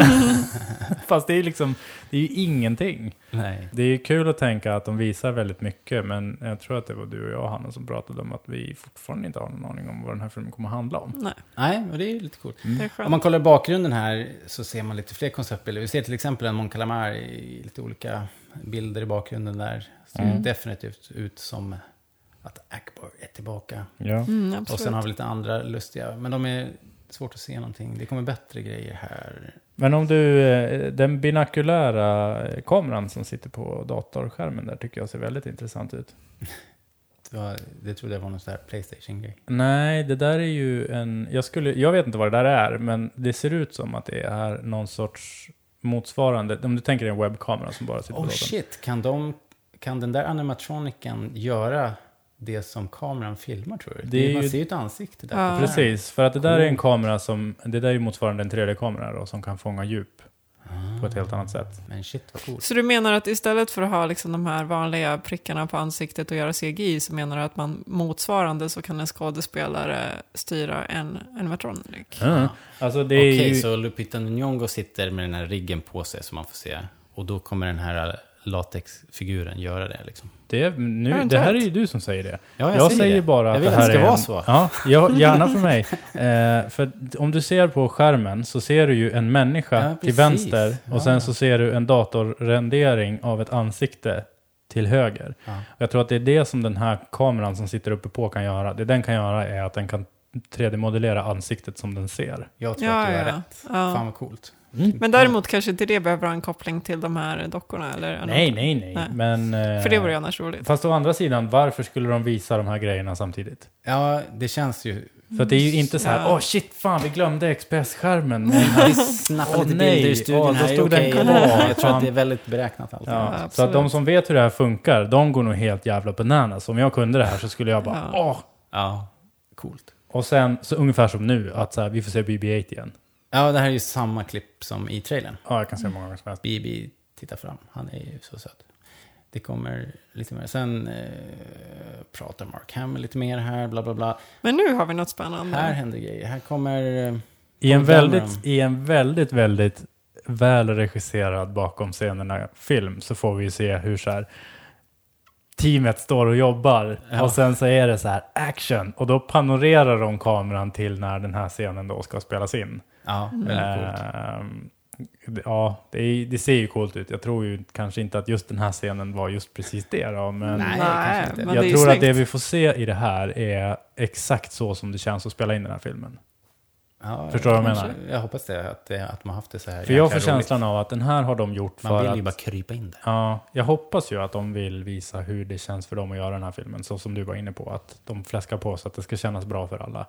Eh, och att det inte är att nu ska vi bygga upp det här för att visa hur vi vet att våra fans vill att det ska se ut. Det kanske är en kombination. Så, Kanske. liksom, Men kan vi få diskutera vad vi är vi ser? Vi ser ju Poe göra någonting annat än att flyga en X-Wing. Ja, Det han ser ju skönt? helt klart ut som han är fången här. Tror ni att det här är Poe och, Och- Finn? Mm. Ooh. Mm. Det, Det var det för första jag tänkte att det var. Okej, det tänkte inte jag på. För det jag tänker på... Det här är ju fritagningen. Jag Ja, tycker kanske. att Stormtroopern eh, inte verkar vara så, bry sig om säkerheten så mycket. Eh, när det, alltså, Stormtroopern går bredvid Poe och leder honom. Springer. Ja, och, och håller i eh, sin blaster. Och och jag tycker inte att det känns så säkert att det bara är så här, det är en stormtrooper som ska leda en eh, så här, rebel eller Mm. eh, resistance-fånge. Och att han bara går bredvid och så här, håller en blaster jättenära eh, Poes händer till exempel. Alltså att det känns lite tveksamt att det är så man skulle göra i verkligheten och inte ha en till eskort eller någonting sånt där. Alltså att Ja. det här kan, alltså det, det var det jag reagerar på nu och ifall ni börjar prata om att det skulle kunna vara Finn, då känns det ännu mer som att så här, det här Ja. är bara för syns skull. Har vi någonsin fått se fler, eh, färre än två eskortera en fånge? Nej. Nej. Nej, det är något lurt här. Och då springer Ehm, de ju inte, då går de ju. Det som, Mm. De har ju väldigt bråttom. Han har ju dessutom vapnet i högsta hugg trots att Poe är, har handfängsel på sig. Tänk er att efter den här scenen så kommer Poe och bara, det här är precis när det har varit så här, häng med här. Och han är så här, "Ja, vad är det för någonting? Och sen så tar Finn av sig hjälmen och bara, "F- run, typ så här, Ja. we gotta get out of here. Och då är Poe så här, ja men den där kan jag flyga. Och så drar han. Då är vi till den här scenen när, när Finn tar av sig hjälmen och bara, han stack, vad fan ska jag göra? Ja. Ja, vi får se. Eh, man kan också se här att Poe Dameron har den här skinnjackan på sig. Det syns lite dåligt på just den här bilden, men det är en sån här beige skinnjacka med lite röd, röda... Du menar den som typ Finn har på Det är sig sen? samma jacka Precis. som Finn har. Mm. Ooh. Så de gör, antingen så tillhör de ju samma vapenslag, eller så gör de en switcheroo här och byter Ja, just kläder. Det. Eller så håller de på att etablera det nästa hösts Starware. För oavsett vad tycker jag det är roligt att eh, de pratar om att så här, på Comic Con kommer inget nytt filmmaterial, vi kommer inte med någon ny trailer. Bara den här grejen när, när man får liksom se Ja. Poe Dameron bli eskorterad i någon slags first order-miljö tycker jag känns som att de liksom direkt får igång massa tankar och det känns definitivt som nytt fräscht material. Absolut. Det, det, ja, det är det som är så härligt. Vi har ju Mm. fått massor Mm. här. Liksom. Eh, eftersom vi dessutom nagelfar så noga också. Ja, men det, allt, kanske, det liksom. kanske är därför jag känner som jag gör med den här jämfört med eh, allt, alltså allting som vi har fått se nu jämfört med Anaheim. Mm. Att då kändes det som att det bara ältades de gamla filmerna, men nu så känns det som att vi har fått massa nya grejer. Ja, kanske. Vet inte.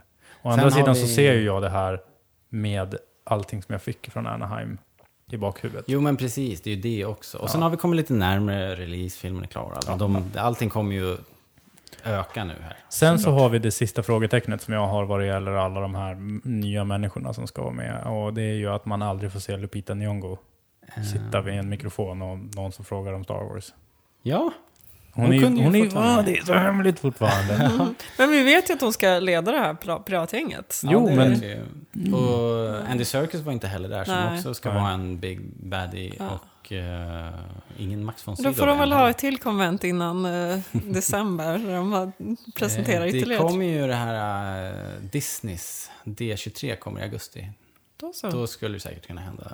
Lupita, Andy Serkis och någon till stor. Max von Sydow. Jag tror inte Max von Sydow.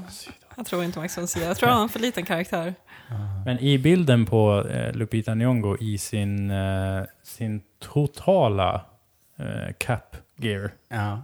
Då har hon, jag är, om det är någon som kan alla de här grejerna så undrar jag bara, är hennes tröja med trianglar på sig relevanta för mocapen eller har hon bra smak i kläder?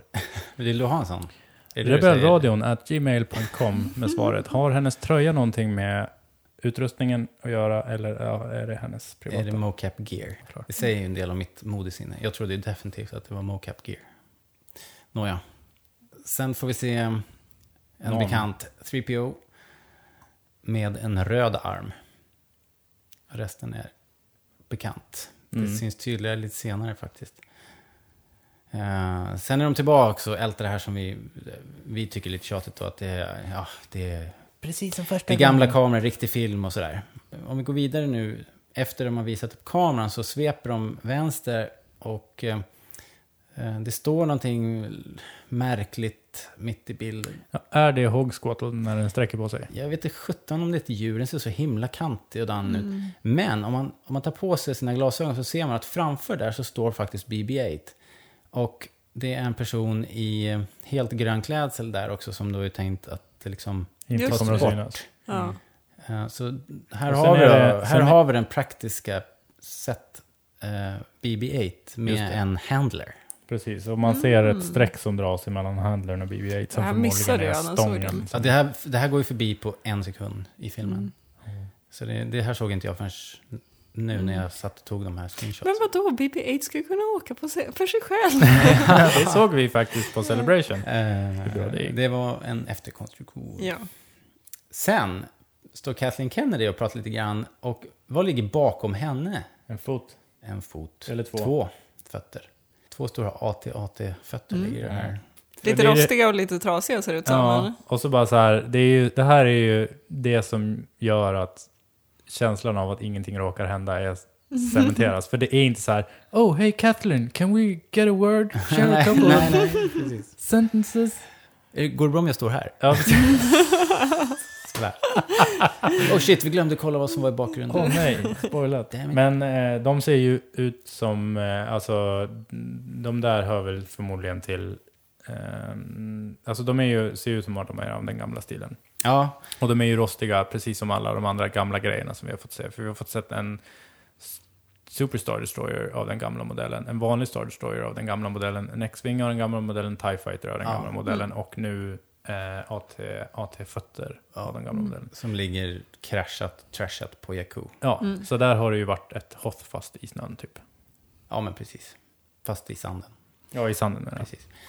Sen är ju Eh. den här grinden, porten. Ja, den här ehm, är ju en gammal Ralph McQuarrie-design. Det är Mm. därför den dyker upp här. Det här, eh, det är en massa bokstäver ovanpå. ovanför. Ja. Oj. Eller är det deras vanliga alfabet? Jag är ganska dålig. Jag tycker inte det ser ut som det. Nej. Jag kan det inte, men... Det kan- eh, jag tycker inte Det vore kul att översätta, men det kan ju vara något så Det här är några ancient. tecken som, som skulle kunna vara i alla fall. Men jag vet inte. Jag kan inte det tillräckligt Nej. bra. För då har vi ju en läxa till nästa gång, annars översätta det där. Ja, och just det. Det kan någon lyssnare få, få grotta ner sig i. Sen eh, var det ju det här som du var inne på Erik, de står här och peppar här i öknen. Undrar hur många tagningar det var på den här. Here, here. Ja. Nej, du sa för How great tidigt. does it feel? Yeah! No, louder, faster, more intense. Come on Roger. Ja. Eh, sen är det en stor explosion här. Ehm, det är intressant att eh, de har så här vita t-shirts på sig. Ja, jag Det tycker det här är väldigt roligt. Som att de så här tränar på explosionen fast utan sin gear istället för att de bara alltid har sin gear. Så att när det blir en bra tagning så kan de även ta träningsturen. Ja, det känns lyxigt. Det tror inte jag. Ja, precis. Jag tror att det är för att det är alldeles för varmt att göra i sin vanliga gear. Ja, De det är säkert. öknen, Det är var ju väldigt varmt säkert. Jo, jo, men jag menar ifall de ska träna, ja det känns ändå som slöseri med en helt bra explosion. Ja, men det är, väl det, Ja, de vill, det är väl det de vill visa med den här, hur, så här, hur äkta det här är. Ja, att de, så här, de spränger samma grej många Ja, gånger. precis. Sen vidare då till någon bas med en X-Wing och eh, kanske Poe springer där. Någon pilot. Det ser ju kallt ut här, för kameramännen har ju jackor på sig. Det är England. Ja. Det är alltid lite rått och kallt där. Inomhus. Ja. Uh, Sen har vi lite mer CGI-fest här känns det som. Ja. Nästa bi- bild. Ja, precis. Vi pratar ju ändå om det, att det är ändå eh, rök och sen så har de någon sorts eh, gaslåga som brinner här och donar. Så att de bemödar sig om belysningen i alla fall. Mm. Att det ska se schysst ut. Jag tror att det här kommer att vara en ganska lång svepande tagning. Eh, som kommer att påminna väldigt mycket om eh, när Vader eller Paps kliver ur. Mm. Om du tittar på kameran som är framför den. Ja, just det. Så är den monterad på en väldigt avancerad gimbal-motsvarande eh, grej som gör att man kan svänga en kamera och höja, sänka och låta den snurra runt väldigt mycket på en arm som jag skulle gissa Sitter på någonting som kan följa efter honom Mm. väldigt länge. Så att förhoppningsvis så blir det här någon cool scen där han kliver av och så ska de introducera vart de är någonstans genom att låta honom gå igenom allting. Just det. Och det känns ju också som introduktionsscenen till Kyle Ren överhuvudtaget. Ja, precis. Jag fattar inte, som inte vet hur man gör film, hur liksom, om man har en green screen och så sprutar man ut rök framför. måste ju bli svinjobbigt att lägga på en bakgrund då. Ja, det blir det. Är det någon Alltså, som har tänkt på det? Nej, men alltså JJ? röken är ju inte grön. Nej, nej, men ändå, det är ändå så fina partiklar och så här. Det måste ju bli asmyckligt. Ja. Eller Alltså- klarar datorerna av det? Liksom? Jo, men alltså de, de har ju rätt bra upplösning. Och det är det jag tycker är tråkigt när man bashar dataanimeringen så hårt. Det är ju att i dataanimering så ligger det ju ett väldigt stort hantverk också. Ja, ja. Det är bara det att, att förklara hur bra det är, det är lite svårt. Eh, Och sen så, så är det ju skillnad på hur det, hur det hantverket görs. Det är också Mm, ett hantverk, men precis. det måste ju också göras bra. Ja, och det är där det blir lite så här. Jag är ju rädd, och det är ju ett... Jag tror inte att de kommer göra så nu, men många gånger så är ju dataanimeringen är så dåligt, dålig för att många resonerar som att dataanimering är någonting som bara är antingen dataanimering eller inte dataanimering. Så som om det inte hade funnits bra dataanimering och dålig dataanimering och olika nivåer av hur Mm, Nej, dyrt det blir och bara hur mycket det får buntas kosta. ihop till Utan så här, liksom. dataanimering är billigare. Ja, fast det är inte riktigt så enkelt. Nej. Utan det viktigaste är att man ser det som bara ännu ett verktyg till att göra film. Och så här, det man ska använda det till, det är ju de sakerna som man inte kan använda praktiska effekter till Mm. för att få dem att bli tillräckligt övertygande. Vilket Man inte undrar går. om det här är dyrare, om det här produktionen av Star Wars är dyrare för att de gör praktiskt. Det tror jag. Ja, Jag tror att datoranimering har blivit så pass effektivt och bra nu för tiden. Ja, de får ju Eh. inget betalt heller, så det är billigt. ja, de tvingas ju att bli billiga. Ja. Med, Medan liksom, hantverk måste fortfarande ta många timmar och det kan du liksom inte komma undan med hur, enkelt som helst. Nej, och det är där, det är Ja, precis det jag ju menar. pengar, Ja, såklart. men att, att eh, datafolkets hantverk räknas inte. Som, det, värdet finns inte. Det ses inte och det betalas inte för det. Det tycker jag är tråkigt. Det är jättekonstigt att de på så kort tid också har hamnat i den situationen. Att Mm. branschen har hamnat där, måste jag säga. Alltså den här firman som gjorde eh, Life of Pi heter den va? Ja. De konkade ju innan de hann få sin Oscar. Nej. Och eh, dessutom hade ju Ang Lee den goda smaken att gå upp på scen där och säga att eh, han tyckte det var synd att det var så dyrt med dataeffekter. Ja. Det är ju så här, Thank you, ja, Mr. ja. Lee. Ja.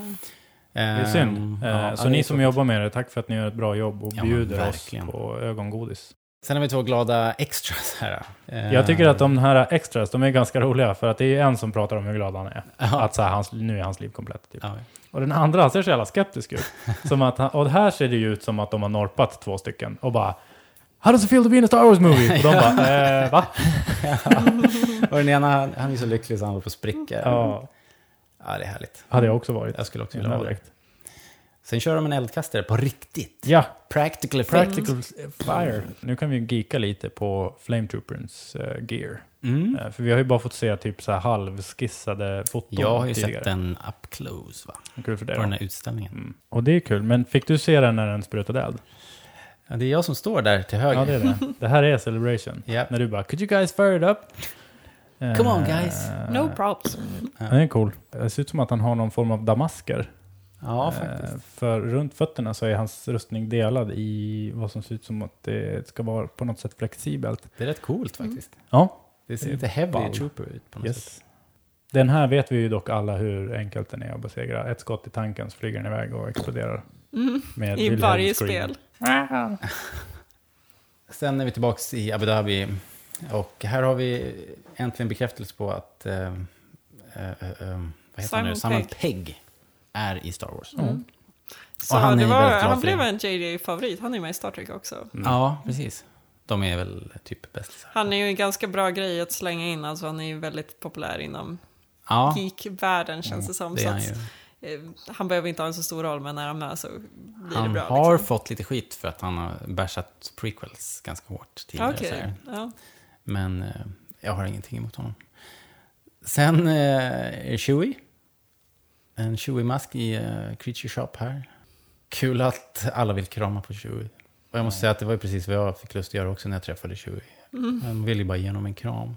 I Eh, bakgrunden? Ja, men precis. En, eh, när han bild. står och pratar här över Chewies huvud så, så ser man lite konceptskisser. Som ser rätt balla ut. Den, eh, det är ju två stycken stora skisser som hänger på väggen längst bak. Mm. Den till höger, den ser ut som den där fruktansvärt irriterande robotmodellen som finns med i prequel-filmerna. I alla fall huvudet. liksom. Ja, precis. Och som är med i Clone Wars. Ja, precis. Eh, Fast som människa. Eller liksom ja, fast med en, mäns, med en levande kropp. Eller Det Ja. ser väl ut som att de har gjort en hjälm av det huvudet. Eller? Ja, precis. Det är coolt. Den, det är en rätt häftig skiss. Den till vänster är lite svår att se liksom. Ser ut som en ansiktsmask. Ja, precis. Det ser ut som att det sitter en droppåse framför huvudet. Det är det enda jag ser. Jag kan Ja, inte ose det. Faktiskt. Ett blood plasma guy. Kallar vi honom. Ja. Här kommer Peter Mayhew då eh, i, i gammal god form. Han verkar vara glad och lycklig över att saker och ting görs på det gamla goda, goda sättet. Ja. Eh, Du var inne på det tidigare, i någon annan tidigare podd, att eh, han, han har fastnat lite i tiden. Så jag Alltså han har ju bott under en sten. Han är ju ute på de här konventen hela tiden. Jo, men han är ju inte ute och springer i hela världen. Eh, och liksom, han verkar ju inte vara den mest aktiva personen. Han, en reser runt väldigt människa. mycket. Han är väl möbelhandlare. Men sen är det ju också att han verkar ju ha varendas, varendaste liten bildruta som man får se av honom ser det, så ser det ut som att han är liksom som att han håller i sitt första barnbarn. typ. Chewbacca fick inte medaljen så då får väl Peter Mayhew liksom brassa på med det här. Det ska bli intressant att se eh, om, man, om man känner att det här är gamla Chewie. Mm. Liksom, om han, om man, kan, kan han skådespela Chewie? Liksom? Är han i så bra form så att det funkar? Jag hade ju hoppats på att de hade lagt in lite gråa hår i pälsen. Ja, han ser väl sig lik För han ser ju väldigt liksom. exakt sig lik. Och ja, jag vet att de blir äldre mycket långsammare. Ja. Eh, eller ja, de blir ju äldre, men ja, ni förstår vad jag menar. Det hade inte gjort något. Med lite Nej, men det hade varit lite kul om han hade varit fort. Han hade kunnat få kunna se ut lite mer som Tarful ser ut i, Mm. i Episod 3. Eller bara lite härdad i allmänhet. Ja. Sen är det bara något random eh, skott här i eh, Creature Shop.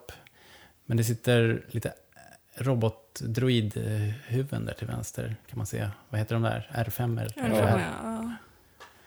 Eh, annars var det väl inte så mycket där. Det är så mycket små detaljer hela tiden. Ja.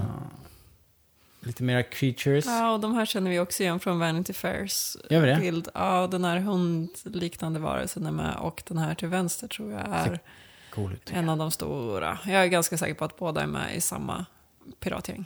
Jag gillar den här till vänster, jag gillar inte den här varulven till höger riktigt. Ja, den ser lite gremlin ut. Typ. Ja, faktiskt. Eller som att den Faktiskt. hör till den de där andra som kom, vad hette de? Men den är ju Efter låg Gremlins då. kom det någon Critters. Eh, som. alltså den här är ju låg, det är ju en knähöjdsvarelse liksom. Alltså den sitter Ah, ju som ja. en hund liksom. den, ja. Ehm, ja, mera Creature Shop-arbete här. Det är som du säger Hanna, det här är, det är ju en kantina-scen. Liksom. Mm. Det var intressant att det. de sa, jag tror Kathleen Kennedy sa att de hade gjort hundratals sådana här. Jesus. Eh, så det är mycket. Sen är det en bild in på SUSP-fabriken. Jaha. Eh, är det här ny eller gammal rustning? Ni som kan era rustningar. Jag tror att det är ny. Den här hjälmen är ju intressant. För den är varken ny eller gammal. Eh, Det är väl inte den som Poe Dameron har, va? Eller? Nej, jag tror Och inte det är inte en Men gammal vi har ju också fått har- se i den här scenen med, det kanske kommer senare, så är det den när J.D. Abrams pratar, så ser vi att det är rätt mycket X-Wing-piloter och eh, de tidigare X-Wing-piloterna har ju alla haft olika hjälmar, Mm. så att det är inte konstigt att det finns Ja. andra nya hjälmar som ser helt annorlunda ut. De tidigare X-Wing-piloterna har ju nästan uteslutande alltid bara olika färg. jo, det är ju modell. Ja. Eh, och jag välkomnar ju med varm famn, öppen famn, famn, båda varianterna. Att det finns de som har, för det han ser ut, det den här hjälmen ser ut att ha, det är att eh, någon form av sköld över visiret. Ja. Eller alternativt, alltså att visiret skulle fällas upp bakom en sköld och inte in i hjälmen. Ja, Eh, alternativt någon form av blast shield som kan fällas ner. precis. Och eh, oavsett vad så är det kul om det antingen är det eller om det här är hjälmen till en pilot till ett, en annan skeppsmodell ja, precis. Mm. som vi inte har fått se. Absolut. Eh, det hade varit jätteroligt. Den har inte den här mohikanen som de gamla X-Wing-hjälmarna har. Nej, precis. Ja, ja. Coolt i alla fall. Yes. Snygg som Mm. fasen. Sen klipper de till eh, Abu Dhabi igen och lite mer eh, aliens. Det här är väl den här eh, som var på Bur- burmannen. Ja, Burmannen. precis. Man ser ju alla små, alla små strutsar som Ja. tittar fram här. Så det var lite intressant att se hur det funkar. Och där kan man ju också se hur de står med vad jag skulle gissa är kyl, Ja, det kyl verkar vara... kallluft som de sprutar ner den. Jag tror att det blir rätt varmt. Simon Pegg har en kall handduk på sin flinten här också. Ja. Ja, men här, har vi, ju- här kan man ju börja ana lite kanske vad Simon Pegg spelar, tänker jag. Eller dels är han väl, ja nu är de återigen på Abu Dhabi och han har en ganska stor klädsel. Alltså jag tänker att han också har mm, alltså, någon slags an, någonting för huvudet som gör att vi inte kommer se att, han är, Ja. att det egentligen är Simon Ja, men Pegg. precis. För jag tänker också att det ska ju Eh, på något alien-huvud ja. här. Eh, Så han kanske också mest sitter i bakgrunden eller liknande. Ja. Jag vet inte. Jag tänker att han... Det har ju gått mycket rykten om att det har varit som en lång kö av kändisar som vill vara med i Star Ja. Wars. Då har de väl kanske stoppat in dem i någon sån här Precis. suit. Så man inte ska bli, så man inte helt plötsligt bara shit, det är Tom Cruise liksom. Det vill man ju inte, man vill inte ha den upplevelsen. Och man skulle kunna tro att det här är det, för nu är det en Gonk-droid som inte är så mycket längre än Tom Cruise. Oh. Eller det ser i alla Jag tycker fall den här ut... tjejen som spelar Gonk hon verkar så himla glad. Ja, visst. Ja. Det ser i alla fall ut som en Gonk-droid. Jag ska ju inte... Jag Ja, kommer det Ja, äta men mina ord om jag säger att att det det är det. Gonk-droid. Det kanske det inte är. Sen kommer vi till nästa bild där vi har en man, eller någonting med någon slags rött. Jag vet inte ifall en röd hjälm eller ifall huvudet ser ut sådär, men det här är också med från Vanity Fair. Ja, den här galna hockeymasken. Mm. Men man kan se här, om man tittar in i ögon, vänster öga, att, att det ser ut som, en, som något, någon varelse bakom där. Ja, Ja. Mm. Jag skulle gissa att det här är en hjälm. eller Jag hur? tror det. Eh, bakom hänger det ju massa grejer på väggen Ja, eh, som ser ganska roliga ut. ja. Eh, det ser ut som att det här är eh, den avdelningen där man tittar på en massa andra kulturers ja man ser- utseende på deras eh, populärkultur så att säga. Det är lite inspirationsmaterial ser det ut som. Det ser ut som det. Kanske. Mm. Det är ju det är ju någon bild som ser ut som en apa. Ja. Eh, och sen så är det en stor plansch som har, eh, jag kan inte läsa härifrån. Eh, så det kan vara bara att jag håller på att börja bli gammal. Men det ser ut som att det, texten är i ett annat språk. Jag tycker Det det, är ser ut som någon gammal Godzilla-affisch. Ja, typ. Och sen så har vi, men det, det som jag fastnade för, det, det var ju de här aporna. Men sen så är det faktiskt en bild på Bosk där. Eh, Den som hänger Mm. på trekvarten med Precis. gul outfit där. Jag tror att det är en bosk. Så här är de nog och kika på lite annan inspiration och det tycker jag är kul för att eh, det kan vara roligt om de blandar in lite annat. I panelen så fick de ju lite, lite kritik för att det är så få asiater i Star Wars. Ja, just det. Och sen så... Det svarar han inte så bra på. Nej, hans, de, de basunerade ut Asians rule. Eh, och jag vet inte riktigt om det är det svaret som, eh, som man förväntade sig. För att det var lite så här, det var lite som att svaret blev att jo, jo men vi älskar asiater, de är fantastiska. Ja. Eh, och Vi kommer det- bara aldrig visa upp dem någonsin. Ja, det är ju lite som att absolut inte förstå innebörden i kritiken alls överhuvudtaget. Nej, precis. Det lät väldigt Det vart ett väldigt konstigt svar. Ja. Frågan är om, om de har så här, anställt en massa asia- asiater och sen har satt på dem en hjälm. Eller om det är karaktärer som liksom inte presenterade än och därför kunde han inte ge något vettigt svar. Eller så det visste han bara inte vad han skulle säga. Han lät lite så. För jag kollade lite på IMDB och eh, det finns ju en hel del, en dröse personer liksom längre ner i castinglistan. Mm. Eh, en del av dem står ju bara att de spelar stormtroopers och sådär, men vi har ju pratat lite innan om liksom, det är väldigt mycket vita i casten. Men det finns rätt mycket icke-vita längre ner i castlistan, men jag tror att det kan vara sådana som där vi aldrig får se ansikten Mm. överhuvudtaget. Ja. Och, Och där det- har vi eh, liksom svarta asiater och allt Ja, möjligt. Liksom, så att, Och problemet, problemet som belystes i frågan, det löses ju inte av att man anställer fler asiater till prop department. Nej, Nej. nej, det var ju... Vi ville ju se flera i huvudroller. Eller Ja, en lite, större variation. lite större roll i alla fall. Men det känns ju lite som i amerikansk kultur så var det liksom så här, först var det bara 100% vita, sen börjar man inse att det finns eh, afroamerikaner, då börjar man ha med det och de börjar få liksom lite mera riktiga roller. Mm. Men det är ju fortfarande liksom, alltså jag menar du kommer inte hitta liksom, ja men överhuvudtaget. peruaner? Eh, Östasiater, du har ju inte så mycket latinos mer än när de spelar, spelar skurkar och indier och lite så. Alltså, du, ni har, vi har ju ganska mycket andra minoriteter i USA som vi aldrig får se Nej, inom populärkultur annat än när de spelar så här superstereotypa grejer. Och det kanske kommer. Men, men, men det känns som att så här, de börjar komma lite grann där med svarta, även om de också får spela väldigt stereotypa Mm. grejer. Men, men det känns som att liksom, vi ligger 20 år efter när vi kan bara ha en så här en vanlig, liksom, någon som ser ut som har kinesisk påbrå som bara spelar en huvudroll utan att det liksom diskuteras att Ja. Utan att han har... kan karate. Ja, ungefär. Är det som ett sånt Bechdel-test? Om man har en asiat Ja, men så alltså, det får den inte vara så. karate...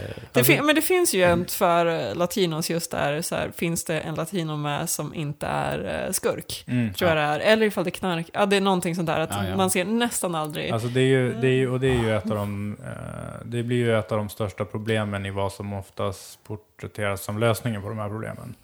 Att så här, jo men vi har visst en massa svarta med, och så bara, jo men varför spelar de bara slavar typ? Ja. Eh, Sådana saker. Ehm, och det är det som, det är det som gör att det, det blir lite, det blir lite så här tröttsamt när de Ja, det är, många, det är väl många mekanismer som spelar in här. En, en är väl att det allt, alltså, de flesta historier har, som berättas är i, ganska mycket lika. Liksom.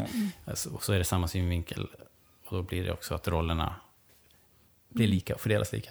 Vi får se hur det går. Sen kommer det lite mera bilder här. Det är lite X-Wing och det är lite detaljer på Falcon. Alla är ju nöjda och glada förstås som får bygga, en, bygga rymdskepp. Det är ju kul. Sen kommer det lite mera från... Som, ja, det ser ut som någon bas här. JJ Abrams eh, startar en scen. Man ser i bakgrunden lite eh, rebeller kanske. De ser verkligen ut som de kommer från, direkt från Episod 4. Så här gamla Army Uniforms. Och Här ser man ju C3PO. också 3POs röda arm. Just det. Just det. Lyser verkligen där Mm. borta. Ja, sen är det ett klipp till en actionscen. Det är några figurer som springer full fart. Den här var ju jättesvår att se någonting på, förutom nu i den här stillbilden. För jag försökte förstå ifall det var droids som var, för det är några med liksom röda huvuden. Jag, liksom, jag försökte förstå, för det, så, det såg ut som att det var New Order på något sätt, men jag kunde liksom inte riktigt koppla det. Men nu antar jag att det är Stormtroopers med, eller liksom någon slags, eller Chrome Troopers eller vad som helst, Mm. med en röda hjälmar. Ja, det jag. lutar lite åt någon sorts chrome. De håller i vapen. Eller så är de de är- helt ny. eh, Kan vara en annan falang också, Ja. vet man ju inte. Men, ja, det, det ser coolt ut. Och det var Ja. bra, var verkligen action i scenen. Ja, absolut. Såg coolt ut. och sen har vi John Boyega då, som är som sagt, han är bara glad att vara här. han är fantastiskt lycklig. Eh, och samma sak med Daisy Ridley, då, vi har sagt det förut, ett Bundle of Joy. Här eh, har de satt en Falcon, alltså tusenåriga Falkens cockpit på någon form av hydral eh, vagga, så de kan köra runt den och få lite Ja, det blir liksom en realistisk rörelse inne i cockpit. Mm. Ja, så Saker och ting man- kommer att gunga och Ja, skaka. precis. Så att man inte kan eh, stabilisera. Så att det inte blir som gamla Star Trek. Nej, att alla så man får- kan stabilisera alla sätten, måste så kommer kasta man sig, se liksom. hur alla står och gungar. Men sitter hon och kör, flyger Falken där? Ja. Ja, Daisy Ridley Hon alltså. sitter i pilot. Det är ju roligt. Och, och varför gör hon det? Liksom, vem har lämnat? Ja, jag är nyfiken på Intressant. den där scenen. Ja, precis. Hur, Hon- hur har hon är- hon fått liksom respekten nog att bara kunna flyga? Ja, precis. Sen så sitter det två stycken IMAX-burkar och tittar på henne. Ja, ja, det står det på där. Och, det har jag faktiskt inte sett. Nej, och här, eh, här skruvas det ju lite grann i de som älskar att nörda ner sig i det här. Att det blir IMAX-produktioner som inte spelas in helt i IMAX. För bara någon minut innan så fick vi se hur en gammal filmrulle snurrade igång. Ja, Just och, men det har jag nog hört att de har sagt. Att det, att det blir IMAX men bara vissa nyckelscener. Precis. Hur det funkar det verkligen. Sen, vad- hur blir det då, då när man ser filmen? Ja, alltså Oj. 99% märker ingenting. Eh, det, och det kan ju vara så att formatet som filmen spelas upp i kommer att ändra sig under tiden. Så att ibland så kan du ha svarta linjer vid sidan, ibland så kan du ha svarta linjer upp och nere på bilden. Men det lär de väl inte ha nu? Eller? Så att helt plötsligt blir det letterbox. Dark Knight Returns hade ju det. Och Okej, så att den här svarta rutor i Dark Knight Returns var Jag tror att det var bara. IMAX-läge liksom? Så- Ja, det, det, är, det är i något av lägena. Ja, Jag är inte specialist på det här Nej. och jag ser inte de här grejerna. Eh, jag lyssnar på podcasts från de som sitter och, Mm. sitter och blir helt bedrövade över sådana här saker. Så det är mest för deras, eh, eller för den, för den delen av, av, av våra potentiella lyssnare. Om det finns några som stör sig på det så berätta gärna. Men eh, oavsett vad så kan det ju bli så att det kommer att bli lite styltigt om man blandar kameratekniker. Nu har vi ju faktiskt lärt oss att vi lever ju även i framtiden och vi kommer ju även att se de här filmerna senare. Och där kan sådana här saker spela jätte, jättestor roll. Att vissa scener av den här filmen på din, tänk dig din Red Ray, när den kommer, eller vad det nu kan tänkas Mm. vara som kan visa upp, då kommer de, de scenerna som spelas in i någonting sämre än IMAX till exempel, Ja. Kommer att vara brusiga eller eh, Just man kommer att se jättestor Mm. skillnad. Så att, När man har sin 4K och 6K-TV liksom. ja, nej, nu snackar vi 18K va? 18K. Alltså typ. Eh, Ja, för ja. sådana där grejer är det jättemycket när du tittar på Blu-ray-releaser. Ja. Eh, vi satt och kollade på Battlestar Galactica Blu-ray-releasen och där är det, att- där är det jättevarierande från Mhm. scen till scen. Mm. Och att när de filmar den ena skådespelaren så kan det vara jättebrusigt, när de filmar den andra så är det Ja. motsvarande Blu-ray-kvaliteten som man förväntar sig. Det är synd. Jaha, märkligt. Eh, och sådana konsekvenser kan det bli av det här. Och jag är lite så, Nästan som inte. att jag har varit med där. Så bara, jag, jag kan filma härifrån med min iPhone. men Du det är en bra bild, Så kolla. filmar du därifrån med din kamera. Ja men det är lite så, så bara, men det är bra bild. Och det är ju bra bild med det som vi tittar på grejerna nu. Men vi har ju lärt oss att vi kommer även att titta på de här grejerna sen. Eh, men IMAX blir det till en viss del i alla fall. Ja. Och det är ju coolt. Jag tror att om det är någonting bli som ska vara i IMAX spännande. så är det ju rymdscener när man ska flyga Falken typ. Ja, jag har sett någon, de släppte ett, ett tweet tidigt på en helikopter över Jakku, Mm. liksom, med en IMAX-kamera också. Så kanske de här flygscenerna över Jakku då. Mm. Ja, sen är det klipp till eh, Stormtroopers in action eh, i någon ruin här. Där det har kraschat någonting skulle jag tro. Ah, ja, Ser det du ligger lite stålbalken metallgrejer här. Ja, bjälkar Ser coolt ut som fasen. Men det ser också ut som gamla ruiner. Ja. Mm. Jag, tycker att det ser, jag tycker att det här ser lite sådär Babylon 5 ut. Okej. Alltså att det är så här. Att det känns som en Ja men att man gör ett, ett jättestort rymdintro och sen så utspelar sig allting i en skog i England. och så bara oh this is a wood planet. Ja, men Eller det, Jag, jag fick lite. Star Wars Battlefront-vibbar av det här. ja, visst. Mm. Men det här är nog inte, det här behöver ju inte vara liksom Final shot nej. Final nej, shot. nej, nej. Här Nej. ser man ju till exempel, i nästa sekund så är det ju liksom snubbe i personal, Face-jacka. personal i bild. Ja, precis. Men det är också några roliga soldater där. Ja, Ja. Som springer omkring i, i så bandanas. Jag skulle gissa att de är de lokala rebellerna. Som Babylon. kanske inte är anslutna Babylon till... 5 det är det som, nu blir det lite rörigt. Eh, och jag undrar ju om de kommer att vara rebeller så kallar sig det eller om de kommer att vara typ, de heter ju The Alliance to Restore the Republic. Men de har heter ju också sagt heter de Resistance, ja. Just det. Resistance Ja, just det. Fighter heter det. Resistance. Och där är ju de, de här ser ju ut som en, den vanliga bilden av en Resistance. Så Mm. då undrar jag om det kommer finnas lokala Resistance Fighters och de organiserade Resistance Fighters. Och Ja. vem som har tagit eh, patent på respektive logotyp och hur de eh, ska föra sitt Det profil. verkar ju som det är totalt kaos i galaxen efter Imperiets fall. Ja, så det den kan här vara- bilden som före sen är ju så dålig, man ser ju linjerna klart och tydligt. Ja, precis. Dåliga effekter här. Ja, Man ser ja. att de hänger i linor liksom. Dåligt. Ja, men Eh, action blir det. Det blir action. Jag undrar ju om det kommer att bli så, om de, alltså jag menar, för om du tänker i Matrix till exempel, eh, där ser man ju var linorna börjar dra någonstans. Ja, just det. De snurrar ju ganska Ja. mycket runt. Och sådana grejer brukar ju synas liksom, för att man ser ju om man tittar på det. Så jag undrar, Här, här varför, kast, ut... varför sprängde de inte någon på riktigt liksom? Om Ja, de nu ska ja, vara precis. practical effects. Ja, för Stormtroopers är ju disposable. Expendable. Eh, sen är det flyg förbi en helikopter och här står en massa personal framför Falken. Det här är nog på Greenham Common, den här flygbasen som dök upp i lite läckta bilder Mm. någon gång när det var i vintras. I höstas. mitten, eh, I mitten i bild så ser du ju någonting som ser ut som, ser ut som den där hjälmen som de satt och pillade med i Prop Department. De hänger på höften på någon där. Ja, eller om man håller den. Tänk dig att han håller i eh, nackdelen en av, eller hon, håller i nackdelen av hjälmen. Ah, okej. Så framför så ser det ut som att det är ett litet paket.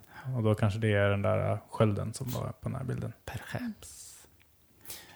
Sen kommer en fin bild på 3PO äntligen då. Han har ju eh, reservdelslagret är slut liksom. Så han fick ta en röd. Tror du att filmen robotarm. kommer att börja med han när han blir av med sin arm? Att han tappar sin arm. Jag tänker att den redan är, det är liksom, tiden har gått. Ja, jag hoppas att vi inte får någon förklaring. Mm. Den bara är så. Det kommer man få läsa om det i en bok sen. Ja, precis. Eh, De eh, verkar ju inte ha uppgraderat sina skärmar. För det är ju Nej. samma sorts Det ser likadant ut. glasskärmar. Eh, varför skulle tekniken ha ändrats på 30 år? Ja. Den har ju i och för sig typ inte ändrats på så här 10 000 år från Overpublic, så det kanske nej, är inte så konstigt. Det har gått baklänges. Eller från, från den här tiden fram till vår tid. Just det. Ser det ungefär Eh, just, ja, just precis. Sen är det Donald Gleason då. Eh, han har inget skägg här. Nej, han verkar ju vara skägglös i filmen. Ja. Så det får man ju, han har ju inget skägg på bilden av hans karaktär som man får se. Okej. Eh, har för mig. Nej, han är ju en Navy, Navy guy, så Mm. slätrakad. Han ser inte alls ondskefull ut.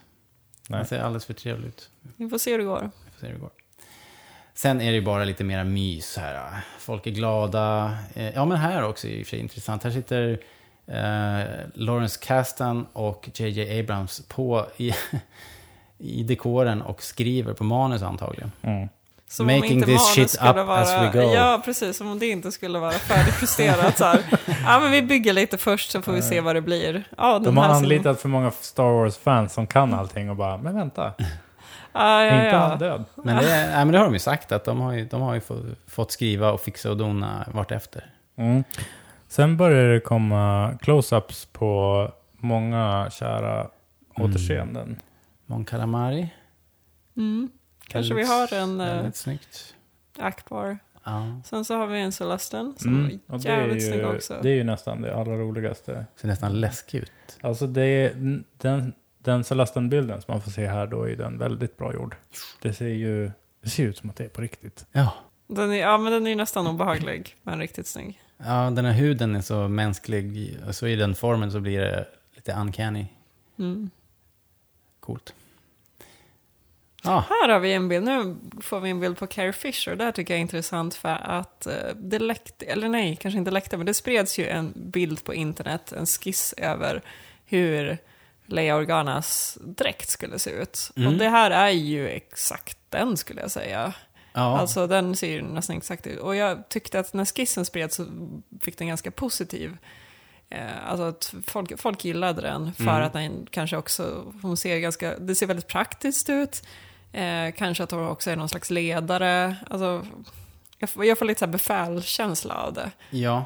Och inga, inga, inga liksom tramsiga klä, klänningar utan det är liksom praktiskt med väst och skjorta och byxor och eh, nu kör vi. ja, men det ser ju ut som att de är på någon bas. Jarvin till exempel. Ja. Eh, och eh, då kan man ju inte springa omkring i aftonklänning. Liksom. Då måste man ju ha praktiska kläder och det här är ju på riktigt, känns det som. Väldigt nedtonat liksom. Men hade hon några opraktiska kläder efter Episod 4? Uh, Förutom Slave Leia då? eh, ja, några. Ja, men alltså... Hon hade också en märklig klänning i, i Wokbyn. Ja, men det är också, då är hon också uppklädd. Alltså att det är sant, när de, när de var liksom, gjorde praktiska ska- saker så hade hon rätt vettiga kläder, Mm, absolut. Förutom i första Hon filmen. kläds väl också upp i Bespin tror jag. Eh, ja, fast där har hon ju någon jumpsuit också. Mm. Och sen, men hon har ju supercoola kläder på Endor. Som man Ja. inte ser cosplay så ofta, märkligt nog. Nej. Mm, nej. Ehm, Det där kamouflaget som upp- de har på sig mig, helt tror jag att är... Ja, fan, undrar om det var det som var så svårt att göra. ponchon, eller? Nej, jag minns fel. Jag tror att det var det. Ja, det var inte slut än riktigt. Nej. Svamp Bob Fyrkant också. Eh, Jag ser ju Minions. Minion. Ja, vi har alltså en bild på, eh, vad heter han? Warwick Davis står här och snackar med en liten märklig alien. Den här är ju så himla out there. Ja. Men... Ja, vi får hoppas att han den Det här är inte ju, syns det här, mycket. nu är vi ju inne på nya evoker typ. Ja, visst. Och så ska de här vara lite lustiga mekaniker, kanske. Ja. Ja, men... eh, det Eller- är ju en agnat liksom. Ja, Ja, eller en inte. lurvig För- agnat. Alltså, Ja, om man, jag tänker eh, också det. Ja, om man tänker bort det då, så har den, den har ju skydds, den har ju skydd för ögonen. Mm. Och det, eller så är det glasögon för att den kanske inte tål någon atmosfär eller någonting. Men Ja, om man tittar på rustningen så har den ju en ganska hyfsad motsvarande battle armor på sig. Jag håller med. Och det är ju coolt. Ja. Så man får ju hoppas att det är... eh, Pilot liksom. Om jag hade varit dem, nej, jag hade ju gjort de här till någon sorts... Alltså jag menar då eh, kanske försöka sota brottet som evokerna var och göra något litet som fortfarande...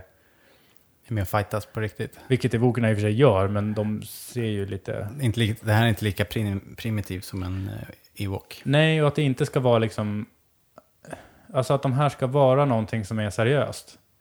Jag tycker det är kul. Trots att de är små. Ja. Mindre Ja, än vad men vi är. Fast de har ju fått en väldigt märklig design ändå. Ja, men det Jo, är klart. ju kul liksom. De har verkligen nu... vå, nu vågar vi liksom. Ja, men nu är det ju så här, nu, nu står vi ju inför eh, saker som man kan störa sig på i all evighet.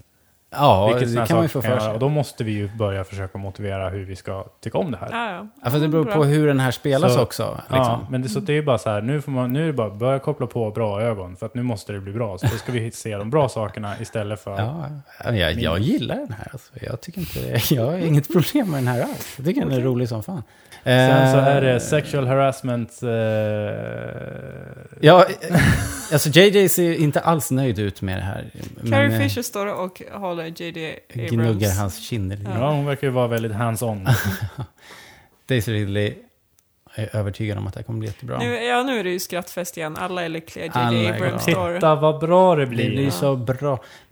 Ja, alla är helt betagna. Harrison Ford ser lite svår ut här också på slutet. Det här är ett coolt shot, måste jag säga. Vi får se De Harrison sig Ford cockpit sätta här. sig i, på pilotsätet. Vi får se Daisy Ridley sätta sig i co-pilot. Eller tänker jag rätt? Ja, Ja, eller om det är där de tvistar i lärde vad den högra gör. Om Okej. den högra är någon form av kapten Eller och den navigatör. vänstra är Chewie brukar sitta till höger. Ja. Ja. Men hon sitter ju på Chewies plats. Och så Finn bakom. Och Finn sitter bak, ja. Han, så det, ja, det känns spännande. Hon verkar få eh, tilltro. Eller liksom, de litar på henne, att hon får bara sitta Ja. i falken. Och Finn, ja, precis. Finn sitter på publikens plats. Så att det är hans roll att ställa frågorna. Ja, Ja, just det. exakt. What's that flashing light? Och, och så här Daisy Ridley som har bott hela sin planet, eller tid på en ganska öde planet. Hon bara, "Ja, men jag kan det här med att flyga en falk. Ja, men hon verkar ju vara eh, kompetent när det gäller att bygga och Jo, jo, reparera och visserligen. grejer. Så. Men att, att liksom vara en tech person och att bara så här kunna sätta sig bakom spakarna på ett skepp. Mm, jag vet inte om det är riktigt i samma profession. Hörni, det var hela filmen. En slutkommentar, liksom. Hur kände ni när det där dök upp på skärmen? När ni hade sett den och sådär? Fantastiskt bra. Ja, jag fick rysningar när jag såg det här. Jag Ja, tyckte att oh ja. det var väldigt roligt att se. Jag hade inte förväntat mig så mycket. Alltså, jag har ju hela tiden varit skeptisk till att vi får så fruktansvärt mycket vad ska man säga, produktionsmaterial. Alltså, jag, jag har ju aldrig grävt ner mig mycket i hur man producerar en film innan, utan jag vill ju bara se filmen. Mm. Eh, men nu börjar jag liksom köpa det konceptet lite grann och jag tyckte att det här var kul att se. Mm. Eh, det passar väl i och för sig, alltså, man Mm. vet så mycket om de gamla filmerna så där, därför kan man kanske gräva ner sig lite i det här. Men jag tror, att det är, jag tror att det är någonting som är lite annorlunda den här gången. Alltså att det inte är... Jag tycker att det känns som... En, det är det som är så bra med den, att det är en välproducerad... Det är välproducerade grejer som ger en en känsla av bakom scenerna, fast det in, jag får inte känslan av att någonting är förstört. Så som bakom scenerna grejer kan få, för de kan ju ta bort lite av magin. typ. Ja, precis. Ja, alltså, vi har ju sett exempel på nu här under sommaren på trailrar som kommer ut och bara totalt Spoilar eh, spoilar Mm. hela Jo. filmen. Det här, det är klart, vi kan ju sitta här nu och börja pussla liksom. I vilken sekvens händer det här? Lite, det är ju lite spoiler, spoiligt. Jo. Men eh, Men ändå man är så medvetet. jäkla hungrig. Och sen så i och med Ja. att man blir så här glad och lycklig av att se det så känns det ju bara bra. Ja. Jag, jag blir också så här, Fast å andra sidan så kan det ju bli så att när man ser de här grejerna så kommer man att vara så här, ja just det, det var där den klappan var. Och det var här den klappan var. Och så bara, men nu sitter vi och tittar på en filmproduktion. Mm. Vi sitter inte och tittar på hur det gick till i den här världen när det här hände. Sen känner man sig ju lite simpel över att man blir så känslomässigt berörd över någonting som så uppenbart är gjord för att få fansen att bli känslomässigt berörda. Jo, men alltså Star Wars-fansen är ju lite känslomässiga personer. Så Jo. att det är ju bara så här. Ja, men alltså, det, det, är ju det är det det handlar om. Det är det, det, det är det vi håller på med här också. Vi pratar om det och vi, vi älskar ju den här världen. Ni får gärna tala om för oss vad ni tyckte om den här äh, grejerna. Ni får gärna skriva in, eh, säga vad ni tycker eller ställa frågor. Eller komma med förslag om det är någonting som ni vill att vi ska prata om. För Star Wars är ju eh, det här fantastiska körsbärsträdet. Vi, vi gillar ju verkligen olika saker, saker med Star Wars. Mm. Och vad tycker ni om och vad tycker ni inte om? Det får ni gärna tala om för oss. Och det kan ni göra på mail eller på Facebook. Precis. Om ni har några saker som ni är specialister på som ni har sett. Eh, alltså, just, jag tänkte på det här med att det är ett körsbärsträd. De sakerna i ert Star Wars som ni gillar bäst. Vad är det ni lägger märke till i det nya som vi får se nu? Vad är det för små detaljer som, som vi helt missar och som ni tar fäste vid? Och, sånt. Med, tala gärna om för det. Ja. Har mailen är ju som sagt rebellradion.gmail.com. Nej, det är den inte. Den är rebellradion podcast at gmail.com. Rebellradionpodcast.gmail.com. Absolut inget annat. Eh, Så det mejlet som du skickade tidigare när du lyssnade på det gick fel. Det gick fel. Tack för att ni lyssnar. Det är roligt att prata Star Wars med er och eh, ha det bra till nästa gång. Mm. Bye bye. Hörs då. Hej då.